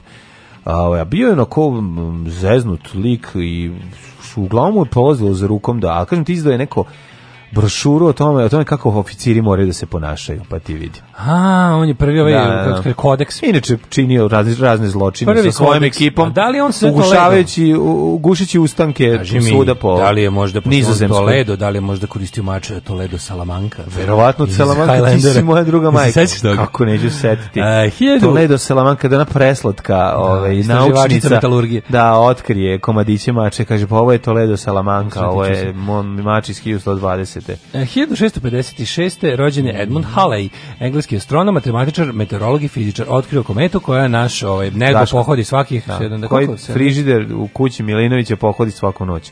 Halava kometa koliko, Daško. Koliko ide godina Halava kometa? 70 nešto. 76. 76. Mislim da ga mi, mi više nećemo videti. Da. Osim ako... Govorio svojim, ja planiram da. dva puta da vidim. E, uh, 1882. Kad smo videli, ajde to da Bila je 80 neke. To ti kažemo. Ono. A... E, Možda u stvari ovo uspemo ko je gospodin Jean Giraudoux, francuski dramatičar 1882. Zatim čekaj, 1897. Hoćeš sada da mi kažeš da ne znaš ko je to? Ne. A, ne znaš ti je li trkao ekran. 1897. rođen je Jozef, ja, Jozef daška. Goebbels. Sva sreće, pa ja ovde kod sebe imam i nešto što se zove telefon marke Samsung, mm -hmm. na kome takođe može da se... Gde držiš ostatak znanja gde može da se ode pa da se kaže nemački nacistički političar đubre jedno. Ja što znao i bez telefona. No, ove, 1910, bravo, svaka ti, to je odlično. Jules Alfred Ayer, engleski filozof. E, po čemu je važan? Nemam pojma, to e, nisam znao, ni s telefonom i bez telefona. 1929. Ivan Beck, futbaler, inače bio ovi ovaj špic. A Šime Spaventi, akademik. Ne, vam ga. A, e, ovaj, e, Bernie Eccleston, bog ten 1930. godine, šta još da, živi? Da, da živi Bernie Eccleston, pa živi. Mm, Razvio se od naše Slavice. Od Slavce. Ali ostavio lijepu čerku u Amarantu. Tamaru. Tamaru Tamara Eccleston. 1930. Bernie Eccleston, poduzetnik, vlasnik Formula 1. Mm -hmm. Pa onda Niki... Ja sam mislio kao klinac da je Formula 1 samo onaj auto koji prvi stigne. E, to sam ja mislio. A da je Formula da, 2 da, da. koja stigne da. drugo. Ovo kao Formula 12, 14, koliko ih većina. To zavis kao, kao, kao, to sam ja mislio. Dobre, da. Imao sam društvenu igru Formula 1, ono kao sa bacanjem kockice, to sam obožavao. Ne. I, tu, i onda sam mislio, i onda, i onda kad bih no, pobedio... Imao sam ja to, ali znaš, on četiri autiće malo. Premali sam bio za to. Kako je to bilo super, sam one četiri mogla da igra, one kao put što da, ide. Da, e, meni je to bio uzor onda sam ja pravio svoje igre po tome. Pošto kad se vidi da to može se nacrta tako, ti si radio svoje. Da je bilo jako dobro. Ali ja i onda bi kada bi stigao, kada bi završio igru, prvi rekao bi to Formula 1. Formula 1 ko stigne prvi. Ja sam mislio da to neko prvi stigne. 1929. Jernej mm. Primakov, ruski mm. političar i diplomata. On kad se jede Primakovse, mm. kad se radi od Makovse. Da, da, Niki de Saint-Fale, francusko-švicarska slikarka te kiparka. E, Duda Ivković je rođen. 43. Mm -hmm. Košarkaš i trenijer. 47. Richard Dreyfus, američki glumac. Obožavam Richarda Dreyfusa. Gledao sam neki dokumentarac o ovom ovaj, o Stevanu Spielbergu i onda Dreyfus priča o njemu, da. jako je slatko. 49. Vedrana Rudan, književnica mm -hmm. i mhm. komunistkinja, uh, Rino Gaetano, mm -hmm. muzičar i kant, 50. Uh, e, Finola a, Hughes. A Jed Brophy? Ne znam ko je to. A ko, ko je Finola Hughes? Glumac na Novog Zelanda srađivao sa Peterom Jacksonom u nekoliko oh, filmova. Mm. 64. Stevan Stevanović, futbaler. 67. Igor Pervić, Rahmetli. E, nažalost, napustio nas ove godine je preminuo Igor da, Pervić. Znači, jedan stvarno spektakular loš glumac. Pa, je, ništa posebno glumac, ali od, od, ima nekoliko dobrih uloga. Ja moram reći da je kad glumi ovog e, frajera i u, u onoj, kako se zove? njene sestre? Ne, ne, ne, ne stani, što je tako pokvareno odmah? Mislim, im, ima, nije bio baš tako loš glumac. Nije bio Đorđe, bi bolje Đorđe Davida. O, pa mislim, ako ti je mera Đorđe Davida. Pa kako nije, ja. ta generacija ima da pregaštik. Ali, da sam ja bolje glumac On, Rasko Janković, on Đorđe David, iako Đorđe David stariji od njih, njih, ali nekako mi je... Pa to je za paprikaš. Pa dobro, to je nekako ta škola glume, ali je Igor Perović bi znao da odglumi nešto, je bilo dobro glumi tog frajera u lajanju na zvezde. Tu je sasvim u redu. Mislim ako može da se kaže. 1000 dobar glumac u Moravskim Karlovcima. 1970 rođen je Filip Koku, fudbaler mm -hmm. i trener. Pa 71. da li znaš koja je gospođa Vinona Horovic? A ne, ne znam, Vinona Ryder, kraljica. Znači. Vinona Ryder, volim Vinona Ryder. Mlađa od Vučića. Da. A... Volim Vinonu Ryder, no, ovaj, iako nije nešto spektakularna glumica pod stare dane, ovaj nekako mi slatko svim onim njenim ranim ovaj pojavljivanjima gde god je glumila super bila i onim sirenama i a voleli smo je jednostavno u dobrim filmovima igrala 74. rođen je Albert Nađ srpski fudbaler mhm mm nešto klempav Što je Albert Nađi Klepač, što ima nešto, ima neko porodično nasilje u ove... Ovaj, o pa Bendele da malo, nešto, ima neko pa malo pa nešto, evil face. Vora sad, da li, šta je tu? Malo bilo, ima evil face. Ko je Aleksandra Jeftanović, srpska TV voditeljka 75, sigurno ne znamo. Ne znam. Televizija Ema, Pink. Čuo sam za Dulja, koji je rođena danas dan 79. Da, da, da. Pa Sa televizija onda... Pink, mislim, sigurno ne znamo. Aleksandra, ja to na crna bregara. E, Sarajo je rođena danas dan 93. Sarajo, dobro. Sarajo. Mm. Umrli na današnji dan Stefan Uroš II. Milutin, srpski kralj iz dinastije Nemanjića. Mm -hmm, 1321. Černiš... Je to, je li to Uroš najjaki? Uh, Uroš II. Milutin. 1321. Pa, Uroš drugi Milutin. To Uroš nejaki. Da se setim, da li on ne... Ili je to Milutin? Ne, to je Stefan Uroš drugi Milutin. Nemanjić. Pa Ovo je, mi, ovo je Milutin. A? A što, a što nije Stefan? Mm. Mislim, nije mi jasno skroz. On a, je bio mlađi sin kralja Uroša prvog. Aha, a Uroš da, da neki. Da, da, da. A da, Uroš, neki. neki. Da, da, da, da. Dobro. Da, da. E, po čemu su poznati? Ja znam njih, nije te srpske srednjevekovne kraljeve, znam, ovaj jedan je bio silni, ostali su svi bili neki ono, da. ono, ovaj ovoga slepe, ovaj odženio šestogodišnjakinju i ostalo. Bio silni, a ovi da sada vladari su slini, tako ovaj da. Ovaj slepeo sina, ovaj oženio ono, bratanicu od, Sina majici za njen 11. rođendan. Viš kako pričaš površno o srednjem veku kojeg uopšte ne poznaješ? A pa to kaže, ja, kaže kako, kako ih ja pamtim. Pa to je o tempora o more. Da, to se tada jednostavno. To, tako to se tada, u to vreme to se, to se tada smelo. Ovoga otrovali, ovoga slepili. Nisu morali ovaj... dinu da na Tajland da bi ovaj, ženili šestogodišnjakinju. Da. Moglo se nekad i kod nas. Moglo se kod nas, kad smo bili mi deo tako sveta. Ne samo, sveta. ne samo da nisu smetale godine nježne, nego ni to što mu je krvni srodnik prvog reda. Ma kakvi, pa ne. E, a, tituš, Ako je šest godina, neka bude i sestra. Tako je. Mislim, ono je bal neki kad je bal, pa to što kaže. Tituš Brezovački, mm -hmm. gospodin 1805. umro. Kad je Černiševski, neka bude deveti krug. Černiševski 1889. Da, da. Černoški. Čer... To nam je blizu ulice Černiševskog. Onda Joseph Pulitzer.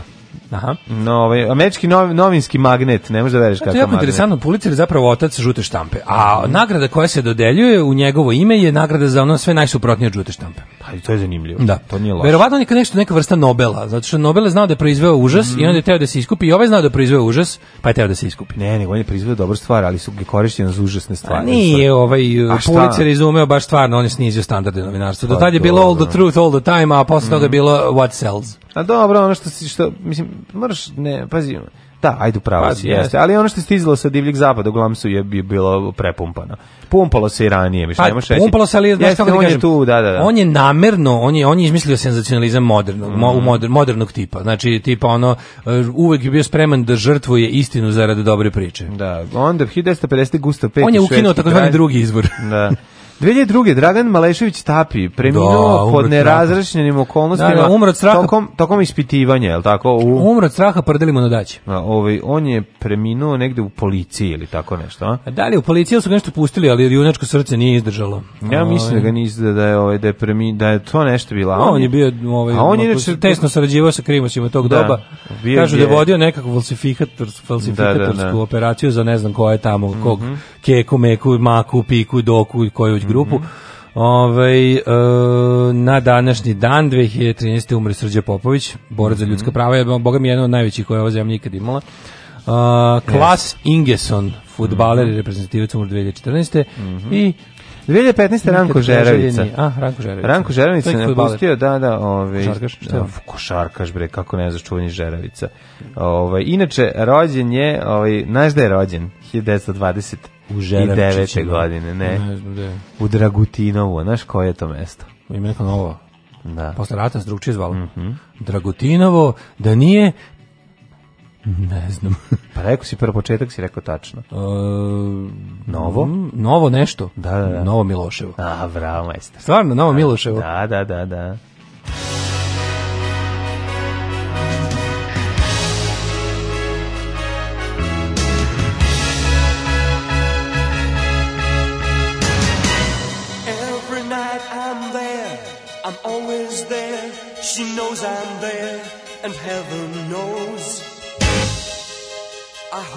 goes.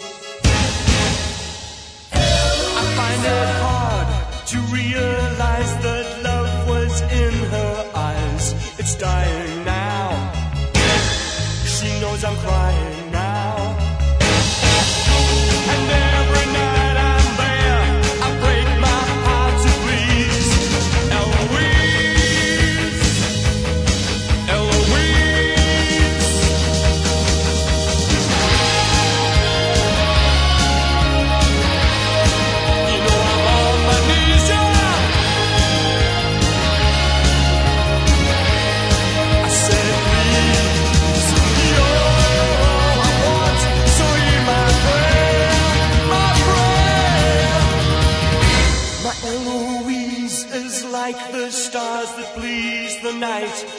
sun that makes the day, but lights the way. And when that star goes by, I hold it in my hands and cry, her love was mine. You know my sun will shine. And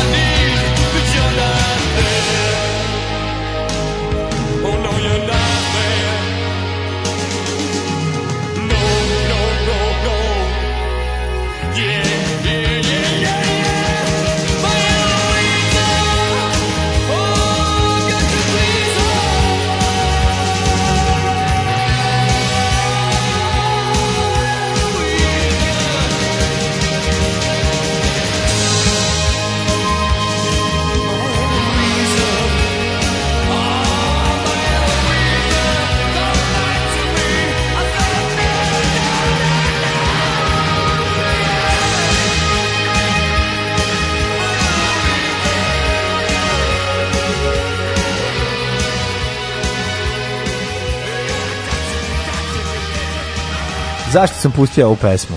Da bi mogao dođeš da do ovaj ne zašto sinoć bio jako dobar koncert grupe Demdus koji sam se uspavao. A šta je to bilo ispričaj malo. telefonom. Jo, Demcu su imali u Palladiumu u Londonu, mm -hmm. su imali veliki ovaj, pokušaj da ne znam da su uspeli, to ćemo da vidimo, mm -hmm. ali eh, zvalo se Night of the Thousand Vampires i karte su planovali još pre 100 meseci. Mm -hmm.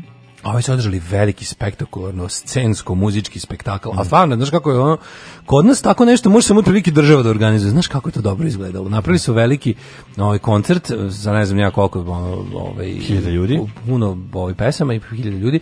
A fora bila da što više ljudi dođu obučeno u vampire sa sve očnicima jer su pozvali predstavnike Guinnessove knjige rekorda da mhm. obore ovaj broj u najvećem okupljanju vampira na jednom mestu. Ja. Pošto oni zombi vokovi, to su zombi, mm, ali ovi stari naprave noć vampira. Ja više volim vampire. Ovi stari naprave noć hiljadu vampira i trebalo da prebace cifru od hiljadu na da našu Omiljeno mitsko biće mi vampir. Da li su uspeli? Je bilo jako interesantno što je Meginisova knjiga rekla da isporučila tačne ove ovaj, smernice kako to mora da bude, mm -hmm. da bi se šta bi mora da bude, ne znam ja koliko njih na jedno mesto, koliko se zadrže, svako da bude uslikan i bla bla bla bla bla, ali sam koncert izgledao spektakularno. Imali su i simfonijski orkestar. A Dave je došao u koči. A Dave je došao u onaj čezama. Sa... Nisu čeze nego hers, pa ona hers, ona kažem. ovaj u čezama sa kumom i prim prikumkom. Ne, ne, ne, hers je ova kočija, kočija za pogrebna. Drakulina bre, ona. Pogrebna kočija, ona crna sa onim što kao nosi lijes. Ona gde ciganka kad kaže mrtvi brzo putuju. Jako je dobro da mrtvi brzo, brzo putuju, Kad da, kod da, da, grofa da, da, Orloka. I bilo da. dobro, znači menjao neke kostime, Izde, mislim da bi jedno izašao kao a, grof Orlok iz Nosferatu.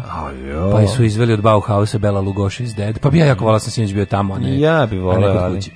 Ove, Lezi da, bio si avionu iz, iz Švice. Pa da, u vreme kad su oni gulili najbolje, A. mi smo, mi smo jezdili. Svi Novi Sad iz aviona, kako bio lepo. Ja bi volao nekako... Se prepoznao Novi Sad iz aviona? Kako ne uvek prepoznam. Da. Prepoznam Novi Sad i prepoznam Vrbas. Vrbas prepoznaš, da, da, kako da. prepoznaš Vrbas? Pa tako, da, kad, pa, kad, pa kad ga prelećem.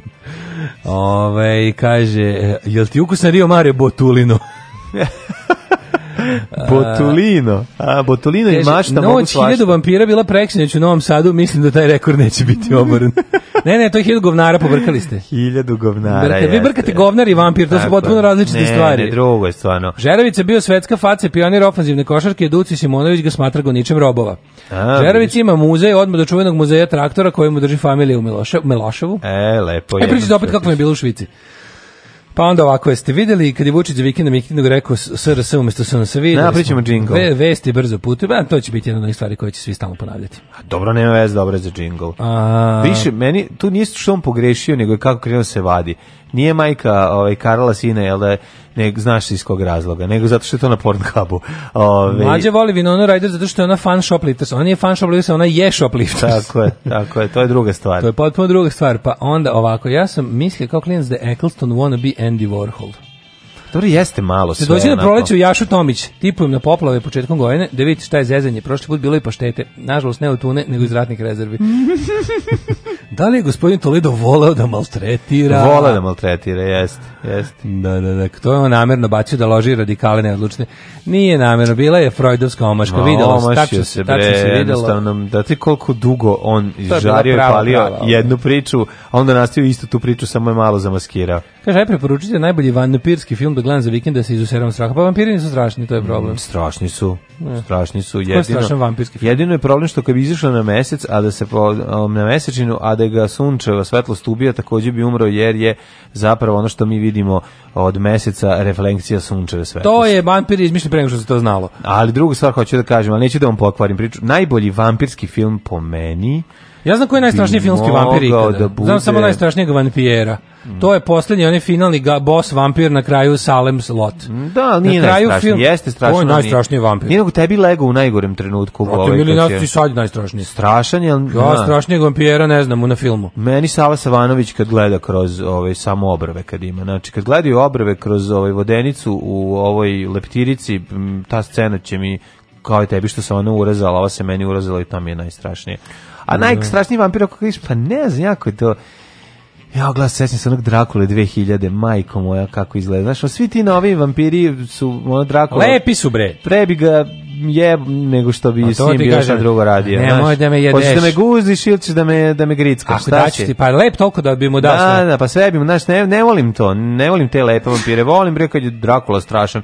I mogu ti reći da iako film nije nešto da meni ovaj da meni Stokerov onaj što je radio kako se za Francis Ford Coppola. Meni je to je Dracula super. Dobar, dobro mi meni. Meni bre taj Dracula super. Izvini, da, to da, je meni najbolji. Gary Dracula. Oldman nije dobar. To je meni najbolji Dracula, bar pa da. nije do. najbolji. Pa dobro od svih ono od on jeste. Oni Hammer Dracula su onako slobodne adaptacije, ima tu svašta. Christopher Lee je strašan kad jeste, se nakezi. Ali Christopher Lee je stražan kad se nakizi, tu, tu nema šta da Opravo kažem. Opravo je Drakula najbolji Drakula svih vremena. Nije najbolji tanka, bre, ono kad mi dođe sa onim lenonkama, kad mi se pojavi mm, kao mm, ono, cool. kao rougro finski rocker, nemoj bre, nije, nije dobro.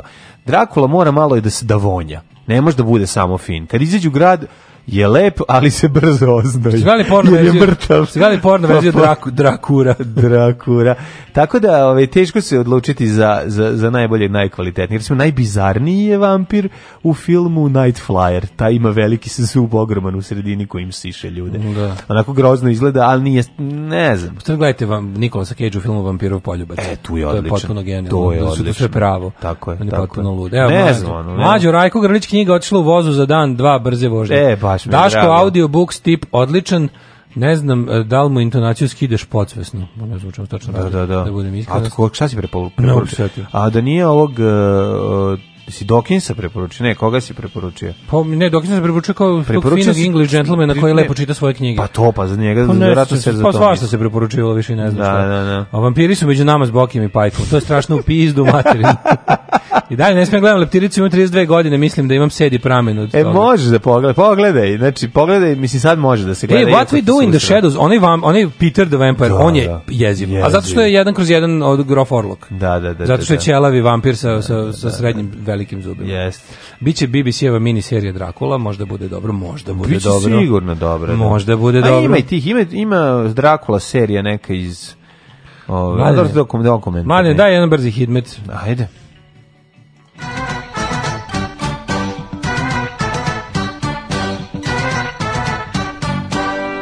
E, ja i dalje po navici gledam švicarsko vreme. Da, šta da radiš? Ovaj. Devetka, desetka, jedanajska i od Palića do Kikinde, Banjski Karlovac isto na 11, Loznica 12, Mitrovica 11, Valjevo 12, tamo da palim pa da vam falim, Beograd 12, Kvagojevac 9, toliko i u Smederskoj palanci, Veliko gradište 10, Crni brg 10, to je to ovaj, što se tiče mog dijela. Negotin 11, Zlatibor 9, Sjenica 1, Požega 5, Kraljevo 9, Koponik 11, Kočumlje 6, Kruševac 8, Ćuprija 9, Niš 7, Leskovac 5, Zaječar 7, Dimitrovgrad 5 i Vranje 7. Uh, mislim da je homojsko leto finito i da ovaj sad kreće ono ono zahlađenje biće sledeće nedelje kao nešto malo. Mi dve nedelje jesen i onda kreće zima. Biće opet nešto malo ovaj iznad 20 stepeni, nije Opa. tako da će se nadići, ali u principu le, ono hladna jutra do marta aprila, ne, maja. Da, nemoj se, Augusta. nemoj se grbaviti sad, pustiti u peć neka radi. Nemoj da mi dolaziš smrznut ovde ujutro i onda kukaš. Ja sam srećan, ištero sam ceo oktobar bre bez pećnika. Bravo, majster, čestitam. Kako ti to kažem, Srbi ni ni Sad mogu da je odvrćem i kad nije jeftina struja.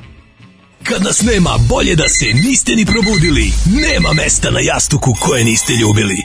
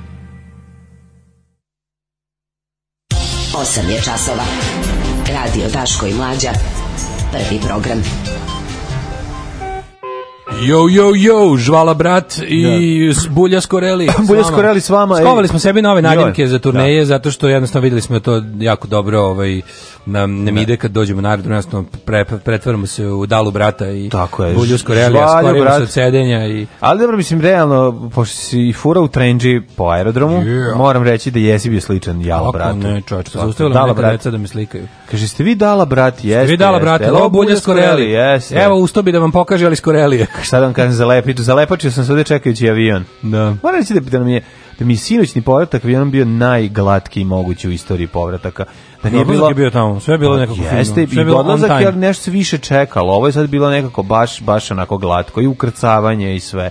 Valjda ta činjenica da nosimo toliko stvari sa sobom da, i da. sve. Da, mislim, grejali ste slatkiše iz kofera. Ja, verovatno to. To je istina. A, šta se napali na miča, pa svaki dan amanj ljudi? Pa kaj dobra stvar, šta, mislim, bismo se napalili na Lorcu da nije čeč. Kako davite sa ovim Hasselhoffom odličanje? Ove, e, najstrašniji Dracula je Blackula, isto imenog Black Exploitation filma da. iz 1972. Jeste, Bla Blackula je ovaj, strašan... Count Chocula. Mm gledali smo i, ta, i tu verziju, pa gledali smo stvarno mnoge, mislim, negde su vampiri Nisu, ovde se sad priča o vampirima, ne samo o Drakuli. Drakula je jedan vampir, ali da, vr, kao vrhovni nama, ali vampira ima još, tu je i Jera, Hojdanić među, među nama, sve ima ih još, tako da... Ovo, ovaj, ima grof tu, Valek iz filma Vampiri. Strašan je onaj London After Midnight, kad se nakizi oni, a svi a Lon zubi... Lon je jeziv. Svi zubi su mu zašiljeni, no. Da. majko. Lon Chen je jeziv, tu, tu, tu mu je najbolja. Ovaj, tu, meni kad kažeš Lon Chen pomislim na tu. Tu scenu gde ima onaj cilindar yes, yes. i nosi, ima ne podočnjake, neke kretenske. Taj, taj, ta, ta slika je bila na da. omoti, one, one, one knjige u potrazi za Drakulom prvog izdanja. Da, da, prvog da, da. izdanja kojeg sam ja video. Yes. Uh, e, to je, čekaj, to je Radu Floresku ova knjiga. Da, ja mislim da to Ranko Munić nešto mi tako ostalo pogrešno u glavi. Uh, mlađi da kažeš da nije ista svetlost sa mesečeve refleksije i direkcija sunca. Jeste vidjeli da je neko, neko izgoreo dok se mesečario? Yes. Dok se mesečira. Vidio sam da je zagoreo. Mesečinao. Mesečinao mm dok se mesečina. Dobro, u odbranu vampira prihvatam sve. Odbranu vampira, evo ovako, ovaj, um, kad smo kod vampira imali smo za nama e, turbulentni vikend. E, koji smo mi tako lepo pre, ovaj, bavili se nečim drugim, ali ja, ja, de, ja Dragana Kosjerina dečko me zaprosio na Akropolju. Imali smo tje otmicu, je li tako? Šta smo imali? Pa imali smo otmicu, idiot je oteo dete. Ovaj, ba... ja, ja nemam pojma, baš ne znam ništa o tome. Sve što sam video mi je tako sve nekako... Pa nema šta, šta da, da im pa Znaš, čitat ćemo ja doma, evo kurir. Ja živim u zemlji Srbiji. Pa dobro, kurić se bavi I paranoja mi je da. primarno da. kako je Novi sad, kako je Novi Sad je ove, ovaj, istrpeo? Novi Sad ima svoj bal vampira. Da, da, ima već bal vampira vampira, tako pa onda, da... znači, imali smo to, onda, ovaj, eh, šta smo još... Pojavio se dokaz, se glavni operativac palio Vesićevu knjigu. Pa dajte, glavni ono. operativac. Glavni Đilasov operativac. Ja sam mislio da si ti glavni se operativac. Ja sam omiljeni novinar. A, omiljeni se novinar. Da. Izvinjam se, ja, ja, ja baš pogrešio. Ja, da. Ej, ali stalno ista vest čistimo SNS od lopova i neradnika. Pa znači na kraju neće ostati e, ba, pa neko stavio danas ima ima, ima, ima, dobra, da ima da dobra prava bot Twitter stranica, Ako bi se, u smislu. Pazi, kombi, SNS se zapravo stoji od lopova i neradnika. Znači, je, oni, oni što, i postoje ljudi koji klepaju, postoje ljudi koji ne rade ništa. Da, SNS najavio sam ukidanje. Da, no, znači, će se ne, ne, samo postoji jedna dobra bot stranica, zove se, ove, lagali su na današnji dan, to je prava bot stranica gde, gde ovaj, automatski ovaj, se generišu mm -hmm. tvitovi od od uh, naslovnih strana lik ima verovatno neko napravio ovu bazu naslovnih mm -hmm. stranica i onda onda ovaj se automatski tvitaju fotke ovaj naslovnih strana recimo od pre 5 godina. I onda je jako interesantno videti kako, se kako je bukvalno na isti, u isti dan pre 5 godina Vučić najavio čišćenje stranke. Iz te stranke nikad niko nije ispao. Ti kontaš da... Naravno, ti možeš da se setiš... Možda ne, na drugu ja funkciju. Ja jedine osobe koje se sećam da je nekako na neki način kao disident SNS-a i onaj Saša Mirković. Da, da, da, onaj, da, onaj, da, da, onaj, onaj da. Gambo manager iz Zašto završio zatvor. On je jedini kao di čovek koji se nije snašao u SNS, odnosno mislim ne znam tačno ono kako kako je razlog? taj njegov tačno da, pa ovaj razlog njegovih disciplina naš ali lik da, da je stvarno se učlanio prihvatio to bio pa kao nešto posle progledao i is, iskrenuo je on mislim Tako, a on služi Dobro, kao neki... Čekaj, Dulović je bio pa izašao, ne? Nije, nije. Nije, nije. Da, da, da, da, da. Čak, to su bili nestranačke ličnosti. Tih par likova koji su kao ono, znaš, ovaj, e, koji su nešto radili pod, znaš, ali nije bio nikada član SNS. Trpeli smo pritiske, ali smo radili po zakonu profesori koji su go, e, koji su ispitivali doktorate u kuriru govore. Ej, to smo imali za vikend. Pa to je glavna To mi je priča, jako dobro. Znači ima, to je to je dosta interesantna priča. Da. Način da. na koji su oni to funjerski odradili, pa onda dva tumačenja iste stvari kroz različite ovaj, leće Tako je. ovaj, naše stvarnosti. Tako da, ostanite uz nas, bit će, onako, mislim, nije ko švajcarsko, ali Jesi li mu rekao sve osobine dvojnika? Pa uglavnom sve. Samo nisam jednu sitnicu. Koju? Pa da je Bečija pedat. Pa dobro, sad to i nije mnogo važno, jel? Znam samo i oni ostali su pederi. Mislim da je to neka njihova organizacija. Alarm sa mlađom i Daškom.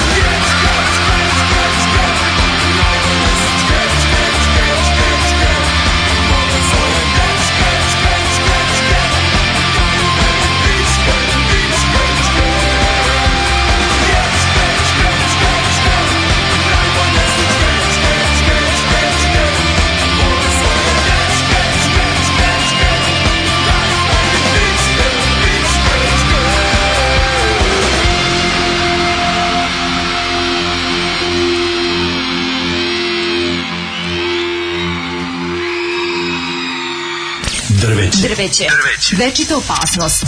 Naša deca padaju sa njih. Njihove grane oštećuju vaše automobile. Svi zajedno protiv drveća.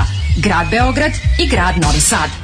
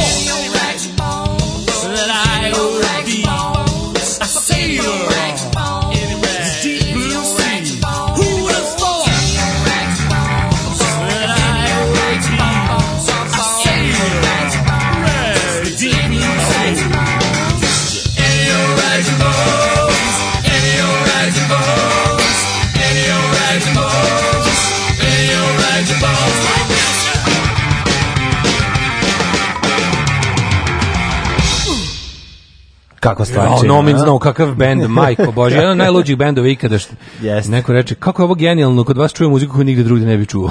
Jeste. E to, ovo je najlepše možete da kažete. Možete da skinete ovaj ceo album, to je možda jedan, to mi je jedan od najdražih ploča koji. Kaže ovo neki Red Hot Chili Peppers ljudi, majka i mm, notac svima njima su Nomins No Means No, Rags and Bows sa albuma Wrong, remek dela. Znači, Kakav svaka catchy riff, šta je ovo, kažem. Grupa se zove No Means No, album da. se zove Wrong, pesma se zove Rags and Bones. Tako je. Uh, pozdrav uh, e, Fiken Windersi. Ceo album skinite i slušajte ga, remek dela je.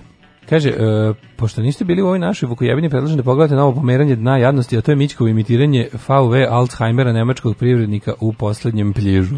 Posle toga je Petrušić će vam biti Jerry Seinfeld. uh, Slavko Banjac nije loš vampir, samo što je on pravi.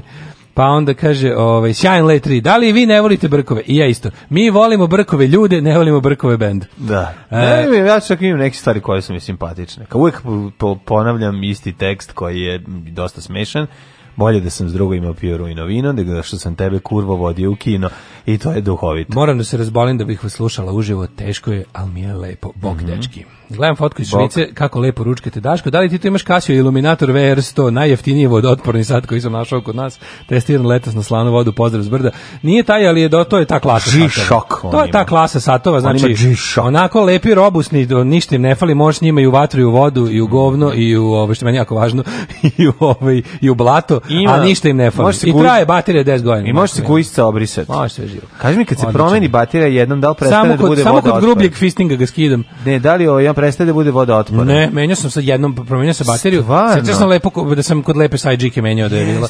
Ali na to tako stručno rada, sa sve onim silikonskim gelom koji ide okolo. I tako vratila da, silikonski gel. Ponovo sam gurnu ruku. Mm -hmm. duboko u govna i ništa nije bilo. Odlično. Um, kaže ovako, sad se uključujem da se prijemi i poželim dobrodošlicu našim najmilijima. Pa srce, srce, srce, srce, srce, Hvala, hvala, hvala, hvala. hvala. Ove, ovaj, um, kaže ovako, a šta je s generalom Delićem? General Delić je druga vrsta, on nije SNS disident. On je lik koji je pohrlio Zvučića pa je plakao u, u hodniku Skupštine da ga vrate ne. nazad, jer on samo jedino na svetu voju Šešelja voli ne. i sad je dan danas poslanik Srpske radikalne stranke, to nije isto. Znači, ipak mislim da ostaje Mirković kao jedini primjer čoveka koji je uzlete u SNS-u bio full, ono kao, znaš, ono baš se od, otisnuo se u vode SNS-tva, a onda ovaj bio prokazan. Šta je razlog? Mi bio da je pa jače nešto stranke tu bilo, u jednom trenutku je nešto pokušao da bude kalif umesto da. kalifa, mhm. pa su se setili da ima finansijske malverzacije za razliku od ostalih u SNS-u. Da. Ove, ovaj, prekidamo aplikacije, molim vas popravite to, hvala to ovaj, javljamo našoj tehničkoj ekipi odmah. Mm -hmm. E, se sećate kubanskog crtača iz 80-ih vampir u Havani? Ne. Ja sam to gledao u Noći dan je bio jedno. Znaš, znaš da je u Noći dan, noći program u petkom uveče išao film? Da išao je film, znači da, da bude kao sve i onda kao umesto one druge serije i ne znam čega još, i erotskog dela, izvinjavam se, mm -hmm. ovaj, je išao film. E, onda je jednom bio dugometražni crni vampir u Havani, ja sećam da sam ostavio, to je bila prva stvar. Sjeo da snimiš? To je bila prva stvar koju sam ostavio da vidim. Uspešno. Pre toga sam pokušao da snimim um, ovaj, kako se zove... pa šta, šta se snimio? Pa nisam, ma bio sam malo glup, šta se desilo, sve se ja dobro programirao, nego sam e, pogrešio. Znaš razliku između toga koji je kanal na video i koji je kanal na Da, televizor? klasika, to je ovaj Najveći problem problem na svetu. Mm -hmm. Zato je vi, zato je tebe uvek mora biti kod nas na 16 a na videu bismo prebacivali kanale. Mm -hmm. Jel bi inače se zabunili i onda bi mislili da, znaš, da, da šuštanje. Mislio bi da ovaj gleda, da snimaš ono što gledaš. I prvo sam šta sam teo prvo da snimim? Da li je bio neki nešto je bilo neki kjubrik je bio nešto, ne pojem, čekaj, čekaj, javanje. Glavni, glavna fora jeste bilo I ja ta da sam... prebacuješ ne znači da će ti snimiti to što si prebacivao, nego ti snima kanal. Ne, ne, ti kad stisneš snimanje više ne može prebacuješ pa kanal. Nema, nema više prebacivanja. Nema više prebacivanja. Kad krene mm, rec, da. onda nema više prebacivanja kanala. A ovaj fora je bilo što ti možeš da misliš na video kanal. Na video, da, da, znači, da, da, E, tu se teo na drugom, recimo, da snimim misijavanje ili nekog takvog kjubrika. Uh mhm. -huh. A, ovaj, i, od... što ne kažeš lepo? Što možeš da lažeš? šta ne kažeš lepo? trebali smo da snimimo Ćaleti i Kevi Ćao inspektore ili nešto to pa drugo. Nije, nije. To... De isjavanje bilo na TV, u majko moja. Ćao inspektore sam uspešno snimio i to smo drugari, ja gledali milion puta. Naravno. To da nisam snimio, ubio bi se. Kubricka mi nije toliko žao. Ali ovde bilo, da, Vampiru Havanje je bilo prvo što sam uspešno snimio.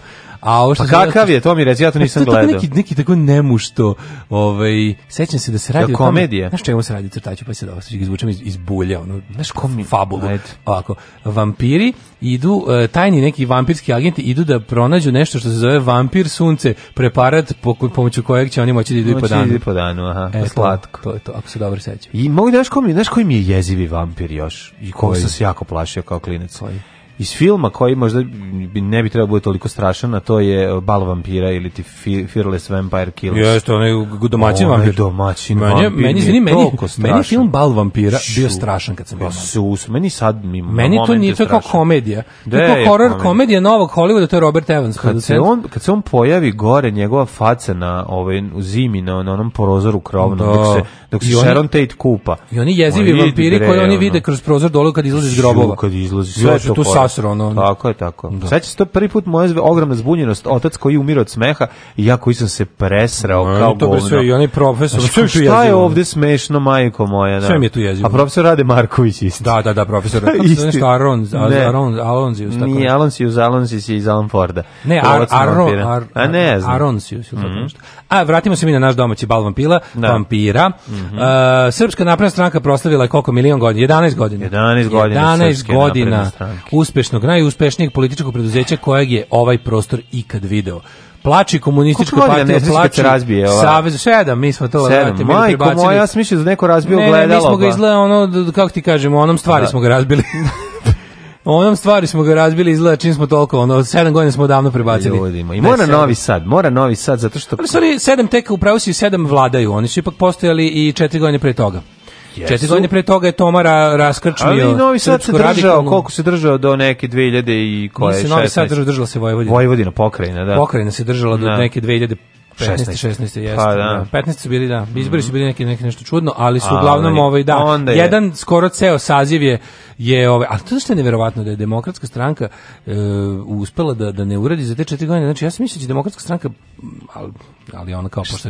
A ne, mislio sam da će demokratska stranka napraviti neki da će od Vojvodine napraviti nekakav dobar rezervni položaj iz kojeg će posle moći da povrati Srbiju sebi. Međutim, kad vidiš kadrove. Boga mi Režani Poržin na svadbi, kadrove, posle ono, kog su povratili. Bukvalno je baš to, je da, to, bukvalno. Da, da, Oni su da. samo premestili bliže WC-u. Tako je. Prilike, umesto da su ono, umesto da su pakovali sarme, oni prišli bliže WC-u. Ova statak ekipe ovaj, koji je bio pokretan na tom, na tom velikom ždranju od nekoliko godina je samo prešao kod neprijatelja u trupe, tako da to se desilo sa, da, sa demokratskom strankom. Imali smo, znači, veliko slavlje, ono što smo mi rekli, znači, uh, Vojvodina je da. uvek imala taj simbolički, u, u bilo kom srpskom nacionalnom nacionalističkom poduhvatu Vojvodine imala to nekako simbolično mesto da je uspeo si onako nekako da bi pokazao koliko si jak ti pokažeš koliko si pokorio Vojvodinu. Da jer ono nema šanse da si negde, znaš, prvo to su zadnje dobili, Naravno. što malo pre ovaj, se podsetili Drugo, kada tu, tu je nekako... To je neko ratni plen, mislim. A i oni imaju, oni svi vole ono što smo pričali, oni jako vole da pokažu kako, znaš, Vojvodina im je neka vrsta kao legitimacije da su i oni se prebacili uskroz fino. Mm. Znaš, jel oni su ono kao, znaju gde se kako dolazi na vlast, znaju gde se kako ostaje na vlasti i onda uvek percipiraju ostatke Srbije kao nešto da se može za dosta manje para uraditi, a ovde su kao morali baš puno, pošto ovde imaju ljudi malo veće, veće prohteve, pa onda kao moraš malo, moraš, e, moraš da bi ih korumpirao i pokvario, da. moraš da izdvojiš malo veća sredstva jer su jel duže bili siti. Da. Za razliku od kao dela Srbije da je, da je onako, znaš, kao situacija već bila toliko loša. Da, dobro, baciš malo da slame malo, dole pa i to da, ljudi. kao, znaš, razlika, znaš, u fazonu, kao, ljudi su kvarljiva roba svuda. svuda da, ali je da, fora da. što zbog različitih ekonomskih momenta, ono od čega krećeš je dosta važno. Pa malo skuplji Vojvodini. Tako da eto, ovde se ljudi prodaju za dve kašike brašna, mm. a negde za jednu i po, ne da. znam. I sad ako krene, ako krene malo bolje situacija, ovaj, možda se budemo prodavali uskoro i za tri. Kakvi smo moralne gromade. Ne zna se to. Ali ti kažem da njima u naš užasno je važno da oni su tu svoju proslavu šetali, koliko se ja sećam, i bila je 10 e, godina ipak bilo na Taš Majdanu, toga se mhm. dobro sećam, pa su jednom slali u Nišu, pa su slali u Kragovicu. Sad su prisjedinili. Pa, e sad prisjedinjenje. Pošto je taj da. njihov moment prisjedinjenja, ti znaš da mi još nismo dovoljno Nije, svako mora biti Danas je, da, da, da. Ne, ne, da. nismo dovoljno kvalitetni Srbi. Sad kad su krenuli da, da prisjedinjenju... Ali Vučević morao da malo da se potrudi. Od pa, prošle godine krenulo prisjedinjenje i sad to da. prisjedinjenje je određeno na državnom nivou, a pošto država i stranka isto, sad ajde mhm. pokažemo da je stranka prisjedinjena.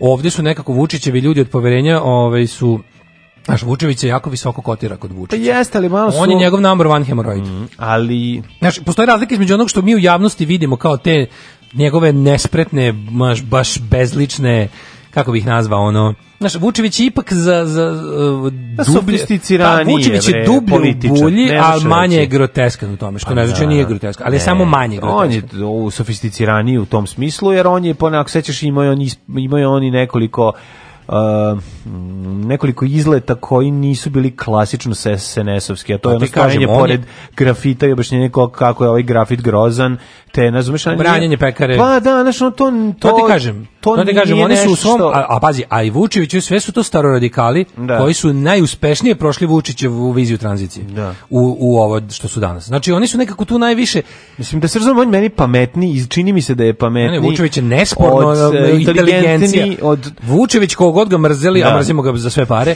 znači prezirem čoveka, je ovaj, apsolutno ovaj, moraš priznati da on jeste u, u tom smislu ono što... što ono što on jeste ono da intelektualno krilo. Mislim, pa kad da. pogledaš komu, sad, tu, i sad tu imaš okolo prvi njegov sledeći iz odavde je Mirović, koji je, mm. razumeš, ono kao isto pokvarenština, kako je teško zamisliti tako poganog čoveka, ali je isto, ono ima tu, nema inteligenciju Vučevića, nema. ali ima tu slepu lojalnost, znači potpuno je ono plus je potpuno beskrupulozan, razumeš, Mirović je baš ono simbol Znaš, on tipa kad se puca, zaklonio bi se bebom, ono, da ne pogode njega, ono. Razumeš, uzeo bi od prve žene bebu i zaklonio bi se, rekao bi, e, samo da prođem, samo da prođem, ono. Znaš, taj ta vrsta, ono, samoživost koja se ne može drugčije, ono. Dobro, nemoš reći da nema i svoju umetničku stranu. E, a to je pritom, i to je još groteskno, pa, to je još bizarnije. A to je bizarno. To je još bizarnije. Da, da, da. I da. sad ima fora, Vučević jako pazi, e, na primjer, Mirović ima te bahate momente, kad jednostavno oseti, znaš, on je taj neki, ono, e, kako bih ti rekao, ima ima taj ono e, jedan od razloga zbog kojih toliko uživa što je tu gde jeste je i mogućnost da se bahati. Kod Vučića to nemaš i sad ono kao oni kao takvi ti znaš da kada Vučić ispostavi zadatak Vojvodini da za njega nešto uradi Vojvodina ispostavi ono 110%. Mm. Uvek. Znači nema šanse. Pazi, u ovim nekim delovima Srbije da je situacija kudi kao materijalno gore. ovde uvek sve, kako ti kažem, ovde je da ovde to, to, to neko štreberstvo koje mi ovde negujemo se čak preliva i na organizaciju kao što je Srpska napredna stranka. Ti znaš da kada ovaj zahteva jednostavno ono kada zahteva miting od toliko toliko ljudi to će biti bre makar ono padale seke. A dobro imali smo ovde malo. Tako da kada on ovde naruči e, imali smo i falš nota. Imali smo falš nota. Na da. što je na svu sreću, da. Na svu sreću. Da. Ovaj šta je zapravo stoji iza čite priče vezane za ovaj od, odloženi nastup ovaj hora pa, Zmajovine prvo gimnazije. ovako, naravno ti znaš da srpska napredna stranka i njihovi mediji su bukvalno ono one kako ti kažem, istina ne znači ama baš ništa. Oni su u stanju da lažu o stvarima dok u koje svi zajedno gledamo u istom momentu. Oni će reći da gledamo u crno ako je, ako je, ako je to što, što gledamo belo. belo. Da.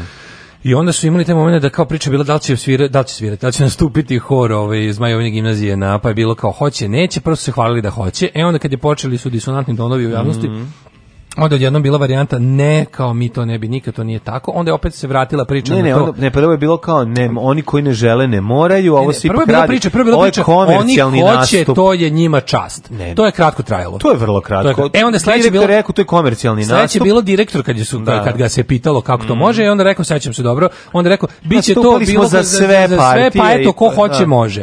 I onda se na kraju ispostavilo da toliko njih nije htelo da, da je bilo besmisleno zvati hor.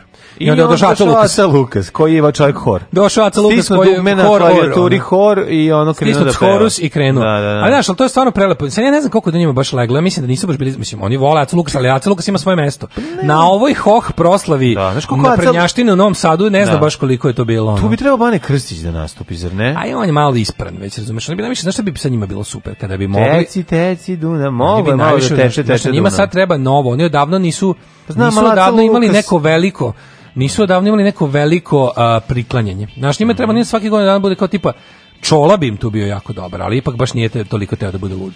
Pa onda je ovaj jako bi dobro neki koliko se izdvoji nov, mislim za to. Kako ne, ne, mislim da čovjek ipak pazi da ono kao jeste on ono govorio pozitivno o Vučiću isto kao i Bregović, sve sve, ali da. je pripazio da se ne pojavi na stranačkom skupu, znaš. Imaš onaj ja mislim da je Vučić lično da je mogu da bira, ne bi uzeo Acu Lukasa. Aca Lukas je mora zašto je u minusu. Mislim Aca Lukas, Aca Lukas je stalno Vučić ne sluša Acu Lukasa da, da. budemo da. iskreni, ali ona kao 98% srpske naprednjake sluša Acu Lukasa, njima to jeste pojem svega onog kako treba živeti i kako da. muzika treba da zvuči i kako treba se ponašati kako treba sve. Ali lično znaš ona kao mislim da im je Aca Lukas bio onako da im je umanjio, umanjio im je hohstvo te, te, hoh proslave koje su oni cigovali za, za, ovaj, za, za novi sat tako lepo, precizno. Ja, nekako, znaš, ono... Znaš, neki, tu je trebalo da bude nešto malo fini, ali bi, mislim da je bio last minute. Ni, ja sam da. očekivao da će tu pući neke, ono, ne, ne, bi, bi neke frajle, da pa, eventualno. Pa, da, i ove ne bi baš to radile. Ono, pa dobro, eto, mislim, da, da iznenadilo me sve, on nekako izgleda... Zmaj Lukasova gimnazija. Izgleda kao da su zbrda zdola sve organizovali. To I onda tako smo imali, šta smo imali kao najhit večeri, kako se kako Vučić napravio, a to bi ljudi moji bila prava, prava, prava pravcijata Freudovska omaška. Ono, znaš, kad, da. ono, kad ima, ima ono, ovaj, jel, to ima ta, kako bi nazvao to, to je, to je pojava da ti kažeš nešto što ja tebi duboko podsvesti. Duboko podsvesti je u momentu jako je važno kad se kad da. dolazi no. do freudovske omaške, kada se recimo priča nečemu pa ti kažeš naš, mislim gleda se da je to neki nešto da si ti odgovarao neko pitanje, da si nešto rekao pa si kroz ono kroz taj odgovor se vidi šta je tebi zapravo, zapravo. pravo da. tvoje mišljenje šta ga sa sakriva. Da, i onda onda Vučić egzaltirano jel ono dočekuje 11. godišnicu stranke i onda kaže svi mi u srpskoj radi. Da. I onda znaš ti vidiš, ali bilo je kao znaš, i onda ne njegov može, momenat da, da, u onom da. trenutku ti vidiš 10 Tebi samog sekundi, sebe tukao.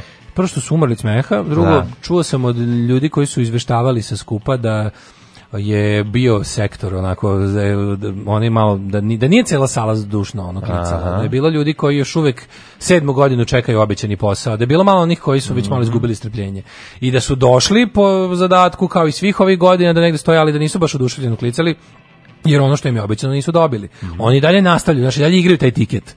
I dalje igraju taj tiket, ali već pomalo sumnjaju da je utakmica nameštena. A i ovi ovaj, ti likovi, znaš, ali bio bio kao kad je Tomi isto tako izletela. Bio njima to stalno. Tomi mi Tomi se to razumeš, kod Tome to nije ta vrsta, naš Vučić je mnogo pribrani, Vučić je da. mnogo prepredeni, Vučić je mnogo više naš ovaj e, uložio u to sve da bi mu se desila ovakva stvar i onda ti vidiš 10 sekundi njegovog ono bukvalno ne znaš šta znaš, onog onako kad gledaš kako će pa smišljaš da to ublaži a znaš da on kada nije scenario kada treba improv kad treba improvizovati to nije njegov baš teren i onda dođe do tih momenata kao što su on kao eto kao bolje da ja napravim što da. znači nisi napravio što da. bilo je iskreno bilo je mhm. potpuno iskreno i mnogo toga je reklo ali ovaj kao bolje kao da ja napravim što kao šta ćete od prošlosti ne možete pa će onda to ne možeš da se izvučeš prdno si ti vi svi ne, su on time pogledali. opet radi ono što mene najviše nervira što me najviše pogađa tako eto on se kao time što je se našao na svoj račun i što on je kao svestan svoje prošlosti time misli da je aboliran ne. Da. Znači, ljudi, to što si ti radio kao deo te prošlosti, takve prošlosti, to kad si bio Srpska radikalna stranka, Mislim, prijatelju, to je stvarno ono kao, ti si bio Milošević ministar informisanja, samo to ti je 20 godina robije za razne zločine koje ste počinili u tom trenutku, a da ne pričamo ostalo. Znači, to ne, mislim, nažalost verovatno ću ostati ono de, neki deda koji to viče ono ovaj u parku. Al ću da viče. Ljudima s, ko, ko, s kojima se boća ako toliko poživim, ali ja kao znaš ja ono kao žao mi je što, što njemu niko neće što će, što će njegova zlodela da ostanu samo zlodela Ace Vučića naprednjaka, a ja pamtim zlodela Ace Vučića radikala i one su mi možda čak i gore.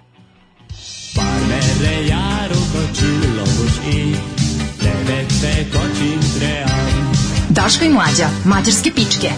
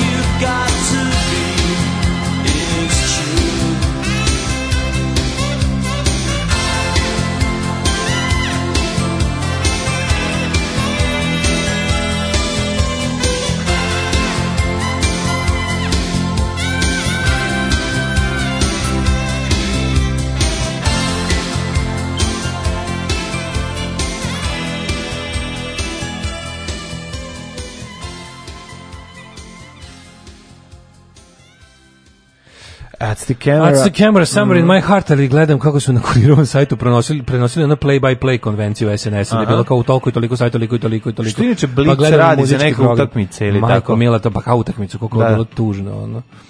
Ove, ovaj- se pojavio Bane, ipak.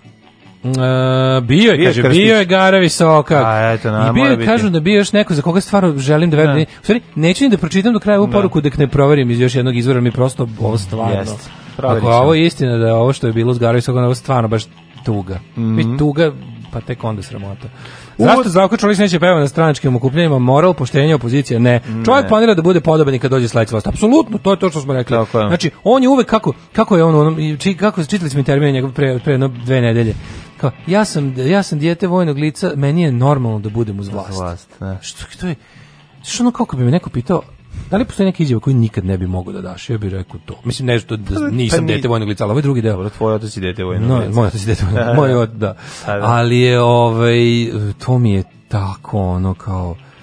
Kao za meni je normalno da budem uz vlast. To je tako nekako tako je ružno da mlad čovjek bude uz vlast kakva god je vlast. Pa da, logiš nije mlad čovjek. Dužnost, pa nekako znaš šta da se zgon, dužnost umetnika, dužnost bilo kakvog tog nekog čovjeka koji je odabrao put koji nije ono da kažeš ustaljen kojim gazi 90% dobro, pa, populacije. Nije disident, da bude, pa umetnik, ne kažem da mora umetnik, da bude. Da. Znaš, kao ne kažem da mora bude ono zlažem ali kao to kao da to se tako izjavljivati takvu stvar, to je baš nekako neljudski je porez. Da, moraš, ja sam sad, prirodno mi da dobro, budem čekaj, možemo sad Kako me je prirodno da budem sad stanje ovako. To možeš da tražiš od umetnika koji sam stvara svoje pesme dobro, i da. ono.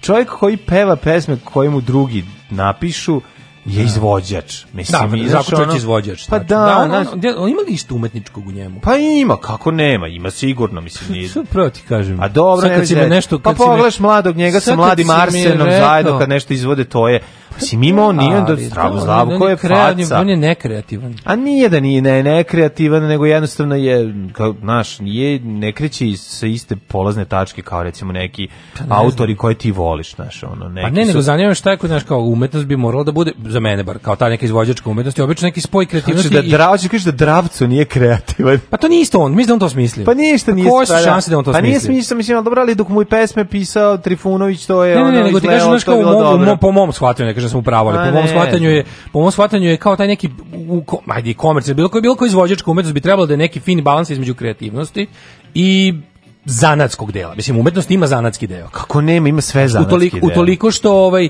ako čime god hoćeš da se baviš, treba da savladaš. umetnost ima zanatski. Pa ne, deo. sve što radi ljudi. God da kaže ti, znaš, si vajer, um- moraš da naučiš da umetnost zanat. Umetnost bez tog zanatskog dela je za mene i dalje umetnost, ali nije za prikazivanje drugim ljudima, kapiraš? Mislim, ne. Da. ja verujem da svako ima pravo da se smatra umetnikom. Ma naravno. Do određene jel ovaj granice. I on može i tada. Ali ako si se ob, ob no, naš, ako si se opredelio da budeš izvođački umetnik, znači čovek koji svoju umetnost nudi drugim ljudima, pa čak i traži pare za to, da? na ovaj ili onaj način, mm -hmm. onda, ovaj, onda bi rekao malo morao ipak da jel, uzmeš u, u obzir i da, da se zanatski ovaj, ovaj, ha, kažem uzdigneš. ti... Da, da Zdravko Čolić je za mene samo zanat.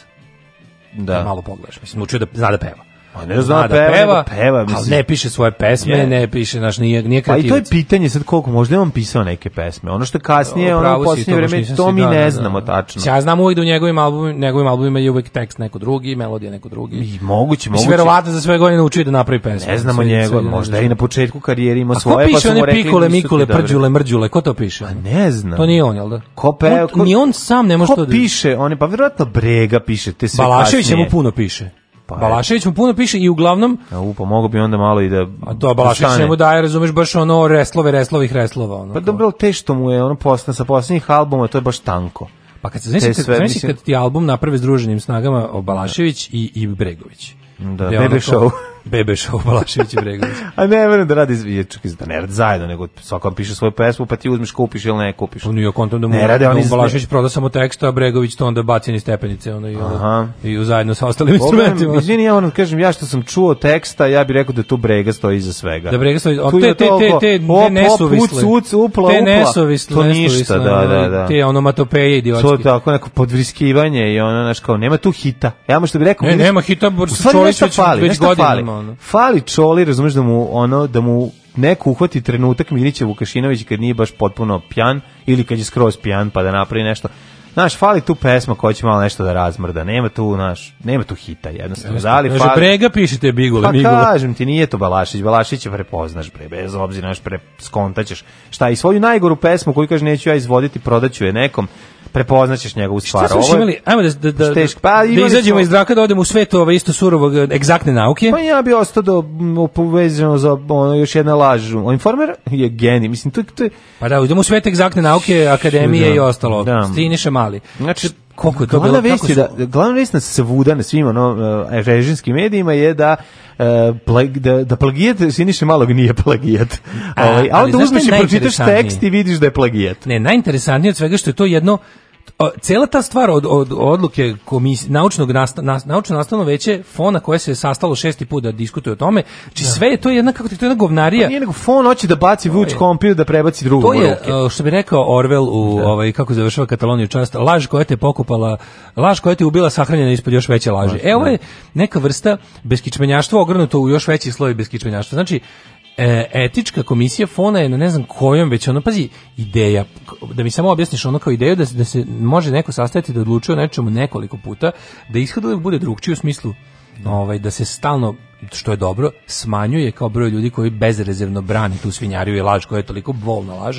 Mislim, znaš raditi o tome da si Niša Mali je možda svoj doktorat pročitao tek kad je krenula frka oko njega. Pa, da bi u slučaju mogu sam odbrati nešto da kažem. Nešto da kažem ali on pa, da. sigurno, to, on, znači, čovek kome on platio da mu, da mu, da mu napravi kompilaciju tuđih ono, misli i, mm. i, ove, ovaj, i, re, i reči za njegov doktorat, on je to sigurno trenutku kad je predao tu knjižurinu, ne. To, on to nije, tu nije znao šta, on tu sigurno se nije bavio time ni malo. Naravno. Znači sad možda kad je krenulo sranje, kad je on zvapozno od tog lika što mu je pisao doktorat i rekao, ej, da ne, moraš da me uputiš sad u ovo, prvo da mu se ne da da jebe, da, keve što, mu je, radio, da. što mu je prodao ono da, očitu kompilaciju, toliko rekli pa- smo da koristiš sinonim, postoji ne. Da. način da se zajebe taj ovaj softver koji čita te stvari, ne. znači da ono, treba si to malo bolje da uradiš, pošto verovatno mu dobro platio, ali drugo je, znaš, i sad oni to kad su radili, Uh, on, on izlazi pred tu komisiju tih potkupljenih jadnih ljudi. Mislim, taj ko, taj ko kaže da to, znaš, svi koji su bili bezrezano za to da je to čisto ko suza su stvarno ono, ono akademsko smeće.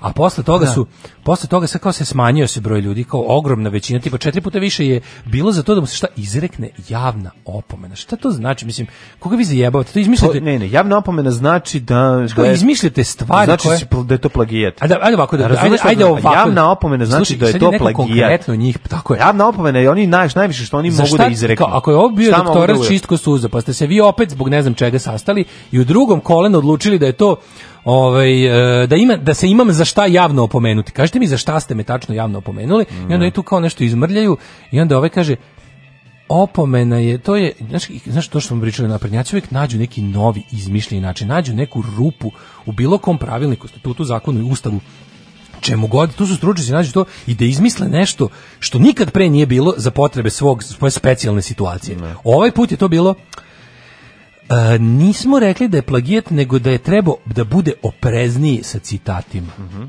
Pa mislim koga vi za Nije nije govnek tako da. posrao. Da, da, da. Znaš, i onda to tako iz, i slušaj, i onda to oni Trpeli smo pritiske, kaže profesori koji su ispitivali doktorat. Mi naj. Trpeli su pritiske. Trpeli su, pa koje ste pritiske trpeli? Ovo je taj ideja da SNS da. i sve sa SNS-om jedna progonjena mala progonjena, da, da, rano hrišćanska sekta koja mhm. diše za vrat celokupan ovaj e, tajkunski establishment podpomognut novim svetskim poretkom. Neverovatno. Znaš, trpeli su pritisak. Bila, znaš da su ovi profesori koji su rekli za Sinišu malo gde to čiz doktorat su da, da su ih tukli na parkingu štanglom ovi ljubitelji mm -hmm. akademije ovaj i, i i čestitosti u, u naučnom svetu su ih sačekivali sa štanglama. Ne, evo, svi trpe na Zovu ovog, da, zovu da. glavnog, ste vi profesor Beskičmenjaković, ja sam. Uh Nauka će vam suditi na parkingu ispred zgrade, znači. I onda su bili pod mhm. pritiskom i morali su da promene iskaz. Jednostavno šta da radi, šta ovaj ak akadem, mafija za poštenje akademije je bila mhm. prejaka. I e, ali oni na to sve izdaju to neko nemušto saopštenje. Znaš šta u stvari rade? Prebace Uh, oni su onda rekli da oni čak kao naučno nastavno veće fona nisu ni vlasni da to ne, nego će o tome da li je to konačno doktorat ili će biti poništen odlučiti etička komisija fakulteta organizacionih nauka. Znači, ja ti kažem da će oni posle toga izmisliti i neku Ma, izmisli šestu komisiju. Pravno birotehničku, ono, da, da. super moralnu, znaš, koja će se, koja se, koja se nažalost baš komisiju. sastaje sledeći put 2142. Da, da, da. Pa će onda o tome da pričaju. Ili ono kao, znaš, nismo ga, kao, mora... Pazi, ti znaš da taj čovjek to nije napisao, ti znaš da taj čovjek nije to ni pročitao. Do trenutka dok se nije zakovala, pa je možda morao... Sad, ne, sad je, proč, sad je pročitao. Ne, nek sad zna, ono sad on zna... Je sad, pazi, on je Streber, on je da. štreber a on je štreber kome se umeđu vremenu osladilo da kupuje stvari. Znači, da. ja, da. ne, ja verujem da njegova, pa ja za Sinišu Malog verujem da je bio dobar u školi, za njega verujem da je bio u srednjoj da. školi, za njega verujem da je u, završio fakultet kako treba i da je bio dobar student. Sve posle toga, kada ulazi, znači, od, kada iz onog, iz, iz tog svog ono visokoplafonskog DS okruženja otkriva čari svog druga mm. ovaj, kvazi navijača a, Ace, i kada mu isto ponudi da malo budu muškarci jednom u životu, a muškarac kupuje i, i, i krade, pravi, nije, nije pička štreberska, kao što su obojice bili ceo život, nego je, brate, to, ne. Da. e, kad su krenuli u taj ono kabadahijski mod, onda im se to dopalo, i e, onda počne da kupuje. Sad se opet vratio, verovatno, na svoj ono mm -hmm. a, blago štreberski mod, kada mora da ovaj, u samoodbrani opet nešto zna iz te knjižice. Verujem, da, ja verujem da ti sa njega da recimo izvedeš, pa da ga kao propitaš doktorat, da se to prošao, razumiješ? Ja da bi ja to prošao, jer u, ali, ali da, to i dalje nije on pisao. Pa nešto da nije pisao, nego i dalje je to plagijat. Mislim, naravno, to doktorat znači, nije učenje, tu doktorat je jedinstveni, značajni doprinos pa da. razvoju nauke u kojoj, u kojoj je pisan to je doktorat. Doktorska disertacija i teza i ono ko što će braniti treba bude Pazi, on to treba da bude uzimao, taj što je pisao. To treba da bude nešto što će drugi ljudi učiti. Tako je. Kao ne, tačno. On mora da nešto novo da-, da, da donese. Ako je mora da bude nauke, novo, ali, mora da bude otkriće. Ali ovde ovde je jedan mi mi ovde imamo suštinski problem, a to je ono to je moramo se vratiti na početak, znači ono čovjek koji piše diplomski rad, na diplomskom radu, na, na, na, na na, na ono na, na maturskom radu bre ono znaš pa da te nauči mislim, da, šta je razlika između ono krađe od ne, nekog i citiranja. E, znači, pa ono, to što ti mislim... kažeš, čak i na nižim akademskim nivoima, pa da, od seminarskog znači, preko diplomskog. Naučiš kako I to treba da piše. da sadrži nekakav, ne nekakav, nego i to treba da bude kroz korišćenje djel prethodnika. Ti treba da ono što, ono što treba, čime treba da odiše bilo koji naučni rad, aj čak i seminarski naučni rad na neki način, jeste. Vidi. I diplomski. Ono što naučiš je, je, u prvom, ono svom, ono da tom pokažeš, diplomskom radu naučiš da, da, da, da pokažeš na seminarski, kako naučiš se. da ne kradeš od drugog rečenice, već da ukoliko nekog nešto piše što neko drugi napisao, to možeš da citiraš. Ne mislim, samo to, to nego ti to treba, da to treba da vodi neku da to treba pa, da vodi neku pričamo, da ide ono. Vidi, to sad to je sad od da. sledeće, ali da, ja ti da. govorim šta je ovde se ovde ovde kao problem se dovede toga da je on kao nije baš bio pa dobar sa sa, pa ne, sa ja pozivam, šta je radio. Ja se ovde pozivam na ono Njega su na osnovu programa koji vata jedan kroz jedan pre ono u, uvatili su ga na na krađu da pokradene pritom, delove. Pritom pokradeni teksta. delovi teksta koji čine ne znam da. koju značaj procent celog da. teksta ne, u zaključku ne donose ništa važno kao A, naučni paži, rad. do toga nismo ni stigli. Pa to je to. To ti paži, kažem, da. Taj rad toliko sranje da čak i kada bi se dokazalo da ne znam šta, onako opet to da. nije znaš ono ti ti imaš mada to kod nas kao nije pravo. Ti imaš bre, onaj kako kod nas je kao završio sam doktorski rad, dakle to bi trebalo pošto mentor bla bla bla. Ne, ti bi trebalo da taj naučni rad odbraniš, a od čega ga braniš? Braniš ga od ono kao upita akademski, baš kao tako radi naučni metod majkomu. Da. Naučni metod radi tako što drugi kolege propituju tvoje i traže mu bukvalno rupu. Traže ne. Da, da to nije znaš. I sad ti si ti si svoj naučni zaključak izneo tako što si ga odbranio od ovaj pokušaja drugih, ne to nije ono, znači nije to ne. Da. sad Nije to zlonamerno, to je jednostavno način na koji nauka napreduje. Ovde toga nema, razumiješ? Ma šta ima, ovdje nema ništa. Ovde toga nema, ovo je jedno lupetanje, mislim, ovo je jedna tužno zadovoljavanje forme u kakvo je sve naše ogrezlo već ono 30 godina. I onda kada se, znaš, kada se kod nekih stvari eh, je to tako jasno pokaže i nedvosmisleno, e onda ovi, znaš, moraju da dignu dževu da se ne bi sve ostalo propitalo. Alarm sa Daškom i Mlađom. Jutarnji program kog se stidi i vlast i opozicija. Alarm sa Daškom i Mlađom.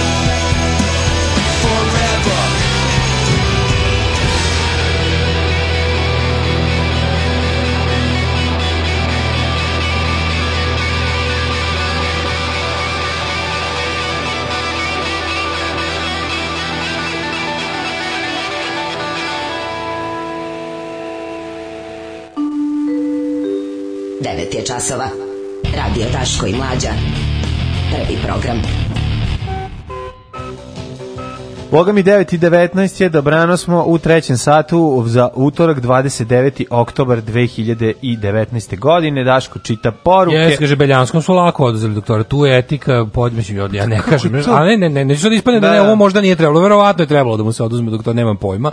Ne, ne ulazim, ali onako oduzeli. A čekaj, oduzeli... razlog zbog kojeg su njemu uzeli doktora, nije zbog toga šta je na se nalazi pa, u doktoratu. ne znam. Ja se sećam šta je bila priča. Bila je priča da je e, da, je, da ga je prijavio pre nego što je položio poslednji ispit. A kao na tehnikaliju, na tehnikaliju, a da je sam, da je Uopšte se nije pričalo o tome. Ne kraju? znam, ne znam, pa mislim da se sude i dalje. Da, ne. Da, da se sude i dalje. Da, pa ne mislim nekad. Mislim, znaš, ono, mislim da o... mislim ako je trebalo da mu se oduzme, znaš, u fazonu neće da bude ono, Znamo, neće da bude ono. Ne, ne, naravno da nije isto, nego samo hoću da kažem da ako ako postoji razlog da se bilo čije doktorat poništi. Ne može da bude. Slažem se, nema kod nas svetih krava, sve trebalo. jasno, svi koji su varali, ovaj treba da odgovaraju za to, ne se tome, ali naš postoje ogromne razlike između toga da li ćeš nekog da vataš na to, da li je prilično sam siguran da Beljanski pisao svoj doktorat. Pa to znači- je, to je ono, to je razlika između ono kadra SNS kadra i nekog drugog, mislim. Naravno, naravno, nego samo kažem da ne može to, znaš, da da bude ovaj u fazonu nećemo nikoga a priori braniti od ovog tako ili je, onog. Tako je. Ako Ukoliko je... se pokaže bilo koja sumnja, da ono što smo malo pre rekli, nauka napreduje. Što bi rekla grupa, taj strep koji je lagao i krao, taj mora, da, da plati. Nauka da. napreduje tako što naučnici propituju svoje i stavove kolega.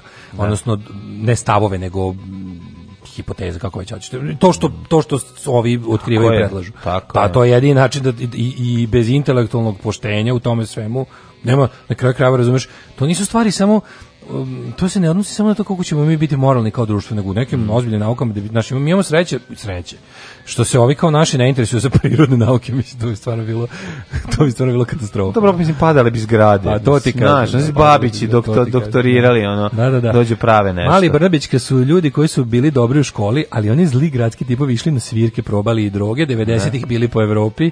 Jeste, jeste, i tebe tata poslao da studiraš u Americi, što bi rekli Crvena jabuka na, mm. na prvom albumu. Mm -hmm. Vučić je tip koji je mladost proveo drugačije, Ove, ovaj, on je I osuda njegova želja da se sad druži sa tom kao cool. Nisu yes. oni cool, ma, Mali i Brnabićka nikad nisu bili cool deca, samo su bili ti, oni su ljudi koji su kupovali svoje prijatelje. Pa dobro da. Nisam Što neko reče, Siniša Mali ima fatu negativci za otpisanih Kaže, zamislite da. ga sa onim ovaj, kačketom u crnoj beloj tehnici. Jeste, Siniša Mali, onaj što... Da, ona epizoda mišić. da je Bane Bum... Ne, ne, ne. On da. je onaj Bane Bumbar i ovaj, kako se zove, ko je drugi tu? ona dvojica što postanu Ljotićevci. Aha. Što su kao ja sam ti kao predsjednik omladine zbora u Beogradu. Mm. Znaš da ima onih ona pretposlednja epizoda. Da, da, iskreno kažem zaboravio sam, ali da. da.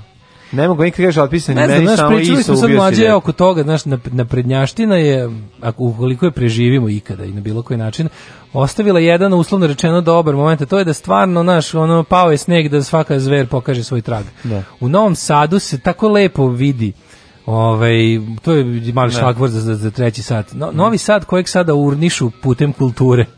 Ovaj e, jako se lepo pokazuje od kakvog ovaj materijala su ljudi. Pa vidite ko vidite se ovaj ko je ima svoju je da ovaj ko, ko, ko će kome umetnost e, ispred svega ovaj u odnosu na lični ćara i mislim ko ima nekako Znaš, mogu ja to umet... neakademski. Ajde. Videćemo ko se jebe za dinar. Najbolji jugoslovenski jutarnji program svih vremena. Alarm sa mlađom i Daškom.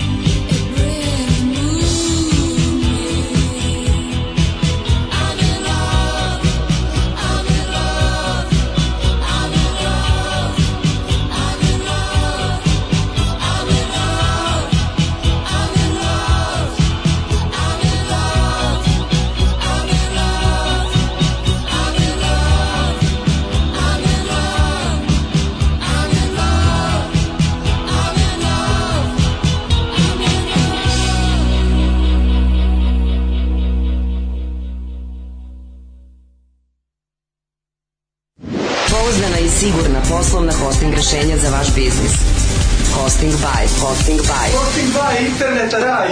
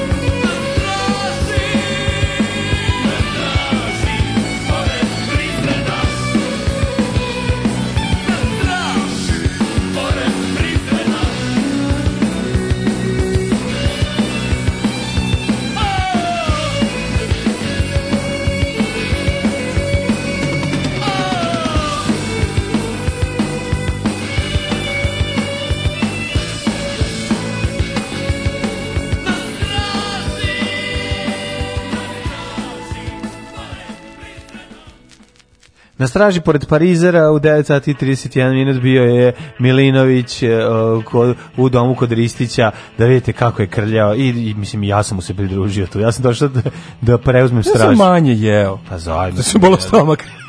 pa da, ne, zato što nisam bio Nisam bio de, de, ovako, nastupio, ovako ću da nastupio sam na atletskom mitingu u Cirihu, ali ne u punoj formi. Ovako ću formirati to. E, prvo si puno jeo, pa si posle toga morao manje da jedeš. Da. Znači nisam baš izašao na, u terenu na najbolje formi na atletskom mitingu u Cirihu, ali nema veze. Mislim, ne, ostavio sam nisi, srce nisi, u nisi, obruk, nisi obrukao, to je najvažnije. Nisi Ni, nisam dobro. E. Na, našu zastavu. Ne, dao, sam, dao sam sve ove od sebe. Da, da, da. Da je ukrštene rude, salami i lobanje. To je naša zastava. To je zastava. Lobanje da. oglodana, mislim. Naravno, pa šta je drugo. Ovaj e, kaže, vi ladno imate aplikaciju za iPhone, je, yeah! čudo. Pa znači, što više otkrivaš o nama, to je... Ne, možeš da ovaj. veruješ. Sve da imamo, imamo brendiranu tablerono.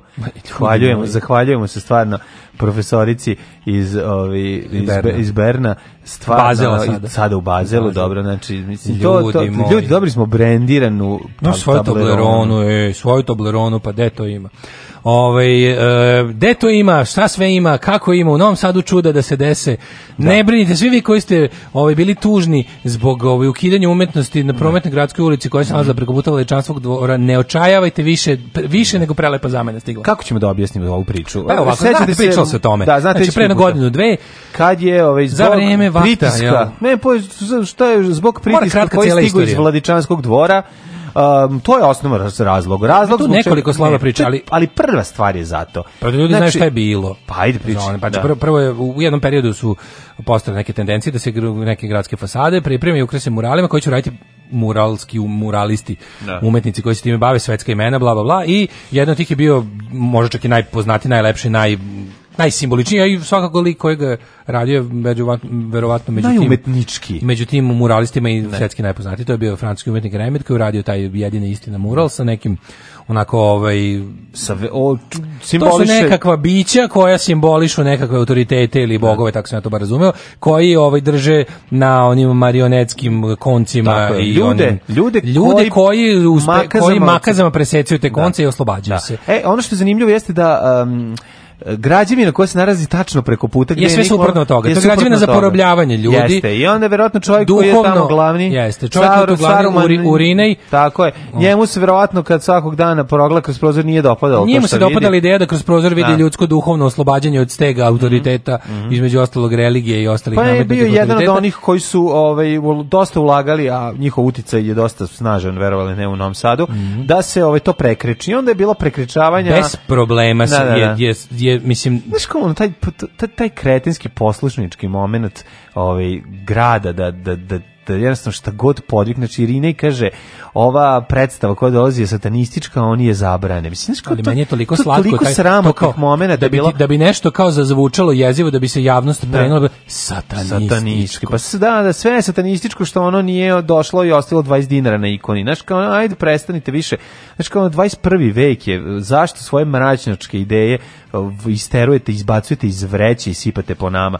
I sad pazi, to, to, to, to, nije ostalo kao, to nije ostalo kao ljućenje jednog ono čoveka u haljini, nego je, nego je, nego je mural prekrečen, pa posle toga... E, posle toga je bilo nekoliko simbola prekosnog da. umetničkog otpora, pojavili se takozvani da. kurali, tako odnosno je. ljudi su crtali velike kurčeve preko celog zida, da. ovaj, od po 6-7 metara mm. do, do mm. nekako, ako nećete mural, evo vam mural. penis, miš, kako ste mogli ranije vidjeti samo u maloj sali, u narodnom bioskopu Samo u maloj sali, arene, kod Joće Fitzgeralda. Da, Na, ovaj, ste mogli vidjeti tako veliki polan organ. Da. Uglavnom, ovaj, i to je posle nekog vremena isto znao, e sad, oni su odlučili da, e, ono što je jako interesantno, a potrebno je reći da je da... takve naprednjaštine? Napred, naprednjačko shvatanje... Evo šta su naprednjaci? Ja u jako puno uloži. Pored toga što su kao napravili... Ne da kulturne stanice, mm -hmm. to su da će ta biti njihova ta mesta, te njihove žval kulture. To su stvari kult, kontrolne pa stanice. Pa, kol, kol, tako je, to je, to je kontrola to su kontrolne stanice.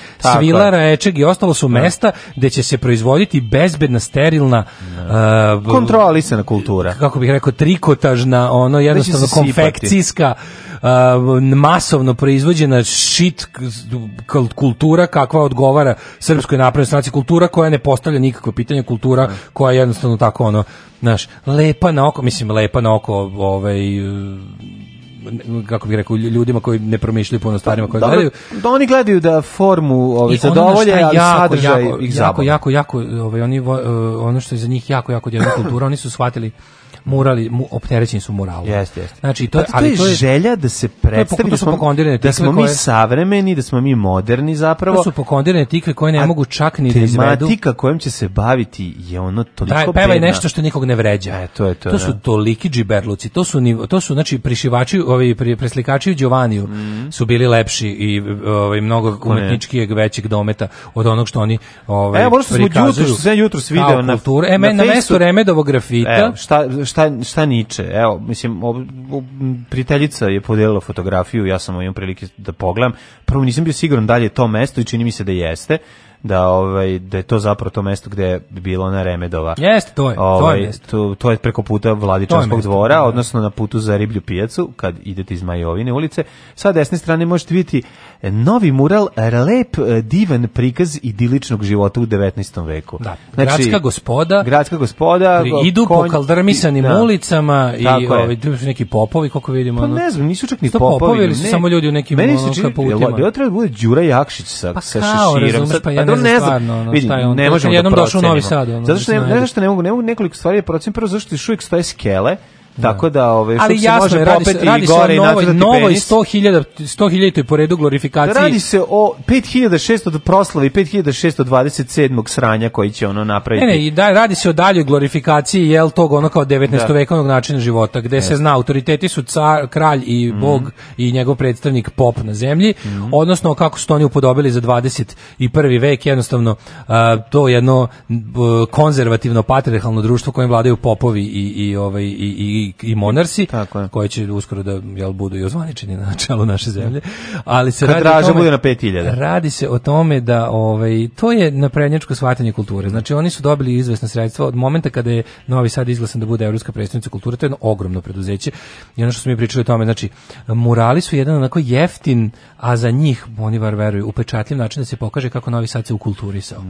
I ovaj, oslikane fasade sa tim nekim jadnim tigrovima, glupim da. natpisima natpisima koji ništa ne znače, opštim mestima, ono be happy, yes. 19. veka onim idiličnim predstavama. Plus kao da nekako da. ubacimo tu i tradiciju. Pa to, da. to, to je toliko jadno. Znači, odeš, ono naj, naj, ono, naj, naj, kako to grafitaši kažu, najveći throw up da. berlinski neki kojeg možeš vidjeti iz metra, ima, ima više duha umetnosti i bilo čega relevantnog za umetničko delo od tih njihovih ono, sad ćemo lepo naslikati Pupina i Teslu, jebali vas više i Pupin i Tesla i ono sve, znači to me, to je toliko nekako no, to to, to to provlačenje konzervativno kroz kao moderne da, da, medije. Naj, to je najtužnije. To je toliko to najtužnije da ćemo da. mi kao, mladi će oslikati znamenite novosađe. Ajde, odjebite više sa znamenitim novosađima, aj stvorite nešto novo znamenito. Stvorite nešto što će, o čemu će ljudi pričati za 50 godina. Stvorite nešto što će stvoriti dalje nešto. A to zakucavanje večito gledanje u tu njihovu kao bolju prošlost, a naravno koja je selektivna. I uvijek je to nekako to nešto što ide na ruku čoveku da, da, da. u haljini koji će kroz prozor da gleda na to i da bude zadovoljan kako je oterao bilo kakav duh slobode Tako i ovaj i bi naš ono kao i, i, i koji je ponovo povezao te marionetske konce koje su ovi povezali su ove zalepio figure lepkom i gafer trakom da. mukom mukom i ono ne. Da. tokom vekova izborili tu slobodu i uopšte znaš pokazalo se jako lepo a mi o tome stalno to su nekako stvari koje nas pogađaju o, e, to šurovanje sa ovim sa sa, sa naprednjačkim strukturama u gradu koji su zatrli kulturnim resursima znaš, da si ti spao na to da imaš ono dva nekakva alternativna prostora koji se još ne daju, koji stvarno se ono održavaju, imaš ovaj rizom, imaš ovaj Uh, kako se zove u, u Milatićevoj neka celab nego je dom B 612. Aha, 612, da, da, da. Znaš, i onako, ti možda odabreš u kojoj meri ćeš da sarađuješ sa okupatorom, neko je mm. odobro da uopšte ne sarađuje, Ove, ovaj, i, moram da priznati da Crna kuća u, u velikoj meri ne sarađuje, da. ali znaš, uopšte učestvovanje nekako, znaš, no, evropska predstavnica kulture koja nema sadržaje, koja to su ljudi koji nemaju ništa da stvore. Sad ja mislim da je stvarno sramno pljunuti na svoj rad i svoju celokupnu kreativnu i, i bilo koju drugu personu na taj način što ćeš ovima dopustiti, prodati, iznajmiti, ustupiti na bilo koji način pomoći njima da, da, da ovaj, učestvuju u tom lažnom šminkanju grada kao Novog Sada kao grada kulture. Znaš, mislim da se prvo sad krećemo ali otpored ljudi koji su koliko, slikara nekih nešto. Prus... Neće, ja vidim, ali vrlo, ovo je njihova estetika. To je njihova estetika i zato treba da odbijemo da u tome učestvujemo. To je stvarno sramota. Mislim, to jeste, to je zavredelo po dve kese masne crvene farbe. Znaš, ono kao, ako postoji još neka umetnička ovaj, e, pobu na kreativna pobuna, ako postoji slobodan duh u Novom Sadu, znaš, treba nekako da se, treba da se potrgamo, na kraju krajeva, iz ono kao, iz, iz, iz loših vremena po umetnost nastaje dobra umetnost. I sad ja ne znam da li postoje uopšte kreativni, besni mladi ljudi kojima je nekako bes i želja za slobodom pokretačka snaga u umetnosti.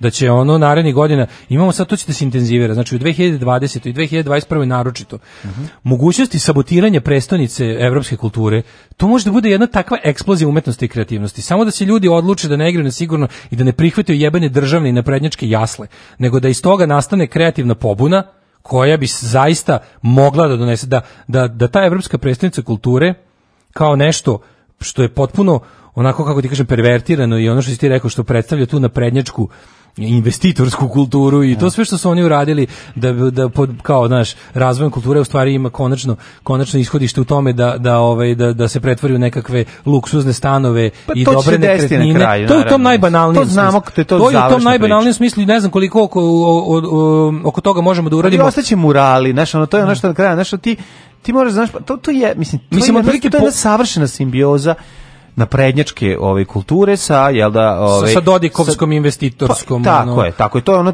to je onaj drugi privredom to je to je to je drugi ne, kraj oni će to prelepo oni će to prelepo ali govorim e, znači čak i kad oduzmem taj njihov lukrativni ono taj njihovo ono e, e, u, u, to da se nešto učari da se nešto zaradi čak ja. i kad se odstrani to ono što i oni kao uslovno rečeno iskreno urade kao iz umetničke pobude je golo govno i sramota i jadno I zato, znaš, onako, ja sam uvijek, ono, ne prestajem da pozivam ljude da imamo taj, ovaj, eto, pokrećemo projekat, ovaj, Novi Sad Evropska prestionica Kurtule, koji treba da bude, razumeš, jednostavno ono, da prikaže to što oni rade u, u, ovaj, u pravom svetlu i, mislim, imamo dve godine da im se onako, što bi se reklo, umetnički najebimo majke.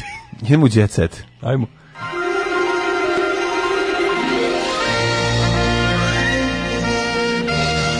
Jet set. Jet Set. Jet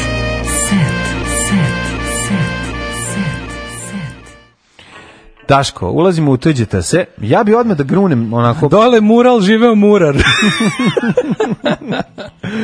Dobro. Ove, idemo u djece. Šta kaže, da, imaš još poru? Pa ima evo Branka i familija neće kući iz Londona, mnogo im je lepo, pazi. Lepo pa jeste, lepo je London. Na, pa naravno. Lepši je London nego Švedska. Nije lepši, ovaj, super i jedno i drugo. E da, u stvari, na, nama je osnovni utisak, pored jel, dobrote i, i, ovaj, i gostoprimstva i, i tih lepih ono momenta je, ljudi moji, kako u Švajcarskoj sve skupo. Da, A pa tamo sve jako skupo. Mislim, mm -hmm. mi, mhm. tamo ne, mi tamo ne možemo. Pa Nemcima je skupo. Nemcima je skupo. O sirotinje što je iz pa Nemačke pa, malo. Pa paristići su se potrudili da se ne otimo za novčanike iz kojih bi izleteli šišmiši. Jeste, stvarno. Tako da svaka im čast. Ove, ovaj, Daško, ja bih krenemo odmah sa problematikom jednom koju, s kojom moramo ući. Smo propustili nešto značajno. Pa jesmo. A nismo, za, ne idem u onaj djecet, idem, ne idem, ne idem, ovo nije pravi djecet Ovo je nešto što, što se tiče i tebe i mene. Kaži. Nastavak hit serije režiraće nagrađivani Filip Čolović. To je uh, remake Kamionđija. Da, moramo za video to. Sam, znači, video si video sam, nije to. u redu. Da. Pa znam da nije u redu, ali mi sećamo se kako su prošli mnogi SFRJ uh, remake-ovi, pa ono pozorište kuće uh, sa... Ne, postavlja se tih nekoliko... Ovaj, postavlja se jedno pitanje... Ono da li neka tema vredi da se ovaj ponovo obrađuje ili treba da se ostavi u istoriji pa šta treba da mesto, dajte ljudi pa čekaj, ono pričamo o tome ogorčeno sam protiv ono što smo videli znači, mrzim ne mora remake, mrzim instituciju remake remake ne mora sam po sebi biti loš ne mora, međutim, ali mora biti beskoristan ali nekoliko stvari moramo da uzmemo prvi prvo remake pozorište u kući bio gg golo g, g, g, Znači, čemu to služi? Mislim kog G govno. Di, znaš ono kao. Pa ne, zašto zašto? Zato što jednostavno znaš Mo bespotrebno, Ta serija je tada bila duh vremena, znači građanska jugoslovenska porodica. Bjelino pozorište kući nikom ništa ne govori. Pa znači pa to je jednostavno bespotrebno, što, beskorisno, bespotrebno, zato besmisleno. ne postoji. Zašto tako nešto ne postoji više. To je imaginarno, to ne postoji taj uh, sloboda koju on treba da predstavi. Ne, ne, ona ne postoji. Još besmislenije da su pokušali da naprave ono period dramu pa da se vrate ono pa da budu, a mislim sve je bilo bez veze. Da, znači, to je da. jednostavno da remakeovi su potpuno besmislena stvar, nikad ne treba da stani, da postoje. Stani. Nastava kultne serije Kamionđe po scenariju Gordana Mihića, a to mi super što je to Gordan Mihić napisao 12 epizoda pre nego što je preminuo. Ja mislim da je to da Gordon Mihić napisao originalni Kamionđe i da je to sad da, pa samo ja mislim, ne, ne, ne, based on... Misliš da će iste te? Pa ne, ne, ne, ne, ne, da nego ja mislim da je to ono kao based on character. Onda su mi pogrešno napisali u jednim meni, piše da je kao, da je poslješta napisao kao 12 novih epizoda. To sam ja da, da, pročitao. Ja sam razumio kao da će to kao biti nastavak serije po kojoj inače Bajdove pisao Gordon Mikić. Slušaj, ovo, zajednički projekt RTS Telekom Srbije radiće produkcije NIRA koja stoji iza veoma popularne vojne akademije. To je ono što želim. Znači, Opre, tvorci da. vojne akademije da gradi ljudi kamionđe. koji su iskenjali Ređi Proliv, sada da. dolazi tvrda stolica. E, ove, ovaj, gledalci pamte Paju Jareta, to je Spalo Vujsića i Čka šalju, naravno, da će ove, ovaj, u njihovim rolama gledati Tihomira Stanića i Nenada Jezdića. Pa moram nešto reći, prvo, Zar nije o, Nenad, e, zar nije Tihomir Stanić značajno stariji od Nenada Jezdića? Bar jedno 10 godina, nije? Pa dobro, ne znam, ne znam kom su ovaj... Mislim, pa čekaj, mislim, kažem, da pretpostavljam da će, toliko, pretpostavljam da će Nenad Jezdić biti paja, kao u, dripac, a da će ovaj Tihomir Stanić biti je, he, jare. Znači da mislim, šta drugo može biti? Ne, ne, verovatno pa ne obrnuto. Čekaj, ali znaš, ono kao, mislim, ja ne znam šta se želi postići time. Okay, pa da da želi se, državi, ono... Znaš, u kojoj meri će to biti? Ako će to biti dva lika koja voze kamion, pa, da. pa je zato kamionđije, pa naravno. Znaš, ali oni nisu ti likovi, mislim... Pa dobro, to znamo da-, da nisu ti likovi, niti su, mislim, ali... Serija se priprema još 2016. godine, a producent ne može... Da, da, Aha, kaže, a producent Nebojša Nele Garić neće režiju poveriti Dejanu Zečeviću, već Filipu Čoloviću. Ja to uopšte ne gledam, znaš, za mene to nije kao da, pitanje da, da. da. skrnavljanje svetinja, zabole me za svetinje, ne, nego ti ne, samo ne. kažem, besmisleno je. Evo, ali imaš šta je sve uradio pre toga. To neće će biti potpuno onako. Mm -hmm. I on biti RTS će to da hajpuje i da gnjavi s time i da bude ono kao svi će kažu, a ono staro je e, bolje, naš, naravno. Znaš koji je radni naslov? Koji? Vozi kume. Oh, yeah. Znači, to je to, razumiješ, biće reklama za pivo. Znači, biće kamiondžije i sisaće se bilo šta iz duha SFRJ e odatle, zamenit će se slabom i ovaj, da, da, brojanicom. Da, da, da, znači, znači, to će Uzmeću biti... Pa, znak, ona fapa stojeće... ovaj... Biće Paja i Jare kojima su oduzeli... Badnjak će stojati. Paja i Jare da. kojima su oduzeli taj samoupravljačko, jugoslovensko, jel, taj moment, a umjesto toga će da budu kum ko, s koji zajedno, ono, jel, ono, da, da, da, i ono, parola snađi se, bit će ta, mhm. kako ti kažem Biće ovaj, smešne situacije. Biće smešne situacije koje nastaju kada ovaj za slavu nije kupio prase, a duhovnik već osveštao. Da, e, a joj, ja razmišljam, joj, ja ko je, ko je tu, ovaj, da će pivo, a na kraju, na kraju pa ne mora da plati. Pa će šest puta po rečenici da govore lav pivo, kuma, ćemo jedno lav pivo. Neće, a se kaže, naravno ne da ću lav, neću valjda neko drugo pivo koje nema fenomenalnu nagradnu igru koje možete osvojiti vrednje nagrade. Neće tako ići, ne može to prvo, prvo zašto, oni će, verovatno će lav pivo napraviti sa 0% alkohola, posebno za tu seriju. A svi znamo da... Ovaj, a će to biti kao no... Paja koji nije pojao četiri pasulja koplja i bacio čoveka da budete da naučim kako se leti u šank. Ako toga ne bude bilo, toga ne. Mora biti neki tuča, mora biti neki zavrzlama. Pa Jezdić je naš ono, taj kao zoveš, srpski, domaćinski, desničarski tough guy. Da, jeste. Taj kao. Jeste. Mislim, Mislim ne, na šta... E, će biti Paja kao, pošto ne Paja bio pa dobroćudni. Pa ja, Pavle Vušić je u kamionđijama bio dobroćudni mrgud. A da. će biti ovako, idemo na pijecu, tučemo migrante. Ne, njemu sve smeta, njemu sve smeta. Oće, oće ovaj biti nedobroćudni da mrgud. Se A da, hoće Jezdić biti nedobroćudni, hoće ići da tuče pedere u seriji. Hoće ići da zakopčava devojke do grla, hoće ići da izbacuje pa migrante. Pa nije to, pa je on je dobri bre kamiončić, pomogne. Pa da, Ali naš novi paja, izađe na, paja. Kad šutne ovaj Jezdić paja, Jezdić paja će da se vraća na selo. Ne, on će da pre, da- kako se zove, tahograf, tahograf. E to će da prevari. To će da prevari da su pedere stavili pa unutra. Pa mora da izađe, kažem ti da šutne gumu, da odlepi jaja od duge vožnje, od butine i da onda vidim da videćemo kako će izgledati. Bude zanimljivih situacija. Biće sigurno zanimljivih situacija. Da ovaj samo žuri kući na slavu sve vrijeme, a ovaj mora da stane da prebije migrante i, i Roma. A ne, mora, nije tako. Ne znam, jezdić će to, naš. I nego mi... Vidi, vozi onako, vidi kao, vidi ovu kurvu što se raskopčala, sad ću ja da, da, da zakopčam. Ali oni su pozitivci. I devojko, da se vratiš na selo da gajiš poljoprivredu. Njih dvoje treba da su, polj, da su pozitivci, razumeš? Ne bi tu treba da se tuku migranti, oni će spasiti migranta i uzeti mu 20 evra što su ga mhm. preveli. Ove, ovaj, a na kraju će vratiti pare jer su ipak dobri ljudi. Vidjet ćemo. A, biće, Mihić, biće pod stare dane ovaj, pisao, a videli smo da je pod stare dane pisao i Nemanjić će to može baš biti onako. Koliko je meni slatko što se kroz ove stvari ono priznaje Znači, oni sve vrijeme rade da ono šizofrenu stvar. Pa, da. Toliko se sistematski zatire sećanje na, mm. na ono kad smo živjeli bolje, da bi jelgi mlađe generacije znale da bolje ne postoji. Mm. S druge strane, oni ne mogu da se odlepe od ono kao svaka peta ideja je nova, a ta što je nova bolja nije bila. Ono, razumiješ? I onda je ono, ovo je toliko tužno, znači to, to, to ono podgrevanje leševa je nešto najtužnije. Mm -hmm. Eros Ramacoti u Beogradu tražio troset. Goran Grbović, direktor Štarka Arene, tražio trosed u Beogradu. Direktor šta je za Bric pričao kakvim se izazovima susreta tokom 15 15 meseci koliko je na funkciji. A pa ček, izvini, mislim. Na prednjački ćelo došao ja sam mislio 15 godina, čekaj, stari neki sramota ono. Sramota je, mislim, pričati ovo. Sramota je, znaš, ono kao, pa nije troset Bog, znaš, tako ovaj troset traži, pa sram... forme ideala. Kako šta? ti kažem, sramota intervjuisati na prednjačkog potrčka koji na. je 15 meseci na funkciji i koji pada u nesvest od rider liste. Da, a šta pa ti samo pokazuje, ka, pa, pa pogledaj, verovatno. Trosed je tražio, pa kod sa kakvim se sve izazovima susretu da, da, 15 da. meseci. Pa ja kad nešto ja sam ne... nosio taj trosec, znači, pa je to bi. Gori si od mene kad uzmem da nešto se bavim nekom rekreacijom, pa izdržim pet puta, pa Dobiš pričam žulj. tokom ovih 15 minuta koliko se bavim sportom, mm, da. svašta sam doživela. Evo ovako, tokom 15 meseci koliko sam u funkciji, Znači koliko me srpska napredna stranka tu stavila da budem, e, koliko se znači urađeno je dosta stvari i onda znači mm. naravno mora bude e, promenili smo poslovnu politiku, dali smo ovaj akcenat smo prebacili na sport, I razvoj odlično, samo da i sport, nemoj slučaj nešto da, da. dobro da gledamo od bendova i nešto super. Znači, naravno, sportska smo nacija, ovaj, mm. da, znači, a došli su nam i velike zvezde poput Erosa Ramacoti. Da, koji traže trosed? Goran, koji trosed traže? Goran Grbić, Goran Grbić čovekom ništa nije jasno. Znači, to je bilo super. Čekaj, čekaj, ja bi još intervju to, napravio. To nije, to nije, to Grbić, to nije basketaner, nije. Grbu, ne, ne znam. Ne znam. Uglavnom, znači, mm. ovaj, Čelovi bre neki. Daj da ga vidim. Da im To neki basket, to ne basketaner. A to je neki basketaner. To, ja, to su ga uhlebili, ja? Ne znam, ja nisam tog ja čovjeka vidio. Taj čovjek nije tako izgledao kad sam ga vidio, ako je to onaj...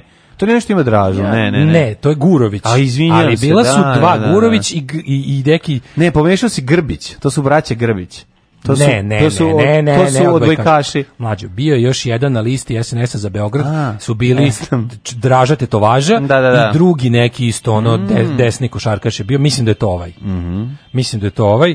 Ove, ovaj, dobro, 15 meseci je izdržao, to je dobro. 15 meseci je već čovječe, ono neverovatno. Sve se odmah. Kaži mi, jel sam nosio da troset gore? Taj, taj bedni promotivni intervju da se pokaže kako je naš ovaj, Uh, kako Čekaj, to Štarka arena. Da, to je Štarka pa arena. To mi je. Reći. E, a super kaže, gledaj se dokaže u decembru. E, Brate, super, znači sluši besplatni, još ima besplatne karte, sluši znači zato što sam direktor. Slušaj šta izdvaja, izdvaja ovaj kao Ka, najveći događaj e, u decembru. Znači. Megdan Fighting. e, znači ovo to organizuje. A slušaj, slušaj kako on ponosan na ovo. Slušaj kako su oni ponosni. Kako su oni ponosni, kako su im puno usta kad mogu da se ogrebu ovo kao. Da. U decembru znači veliki nesvakidašnji sportski spektakl Megden koji organizuje Aleksa Balašević. Pa to je najvažnije. Preko toga pa onda oni, Nataša toga Bekvalac, dobiju taj momenat e, pa će biti koncert Nataše Bekvalac, Ma, to do, će ja, biti. Ja, ja, no i sad će pogoriti po, po, e, će pa Lexington band, znači. Ma odlično. Će biti Mačak Miša band, bude totalno novi Ali sad. evo vidim. Dani za, Novog Sada u Beogradu. Razume se oni o narkomansku muziku pedera i Hrvata biće Nick Cave sledeće mm. godine mm -hmm. i biće ovaj, kako se zove, uh, a ovo ostao na šta u prošlosti. A kaže, bili su rider liste. Mm, On je se susreo s nečim što se zove... Grupa rider liste. liste. Grupa Rider Lista koja je dolazila nekoliko puta u arenu sadrže tehničke zahteve i mnoge druge.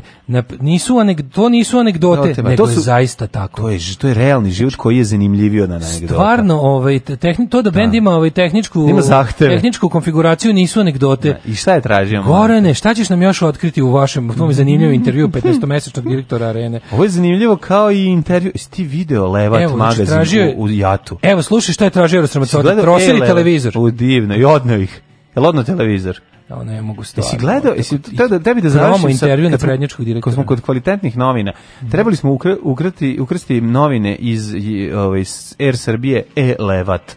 Jesi vidio A, to? Elevate. Elevate, da, ovaj, tu ima zanimljivih tekstova. Pa svaki in-flight magazin je jadan, da. ovaj, ali je na svoj magazin Air Srbije najjadniji od svih. Svi znači, magazini, da. svi, svi in-flight magazini su jadni, jadni samo ali je samo magazin Air, Air Srbije pobedio svih njih. Na svoj način. Pobedio sve njih ovaj, i da, 60% otpada na reklame stanova koji će A, se graditi za da. lepe i uspešne u Beogradu, ovaj, kad pobijemo sirotinju i potrojimo ih i raskućimo ih i srušimo kuće bagerima, a ostatak su intervjue sa režimskim umetnicima. Znači, to je toliko lepo. Srbija toliko... Sviđa mi se da Bula go, u Gonciću. Rekao je da on je pravi vragolan, to je mm -hmm. napisao intervju. Tako da ne, mhm. to, no, to je jako simptomatično, tu vidiš kako Srpska napredna stranka želi da se predstavlja u svetu. Mm -hmm. Znači onda, pošto je sve partije, lete, naš, leteli smo partijskom aviokompanijom, oni imaju mm -hmm. partijski bilten unutra, pun partijskog smeća i onda je to ovaj, stvarno onako nekako, kako ti kažem, ovaj, baš je who is who of Ali dobro, ne smo zbori da, da je da šest godina Air Srbije bila, tako da smo imali... Ljudi, mi smo leteli za rođen, da. ovo je bilo jako da, da, slatko. Slušajte ovo, znate šta je bio poklon? Kratka tužna priča.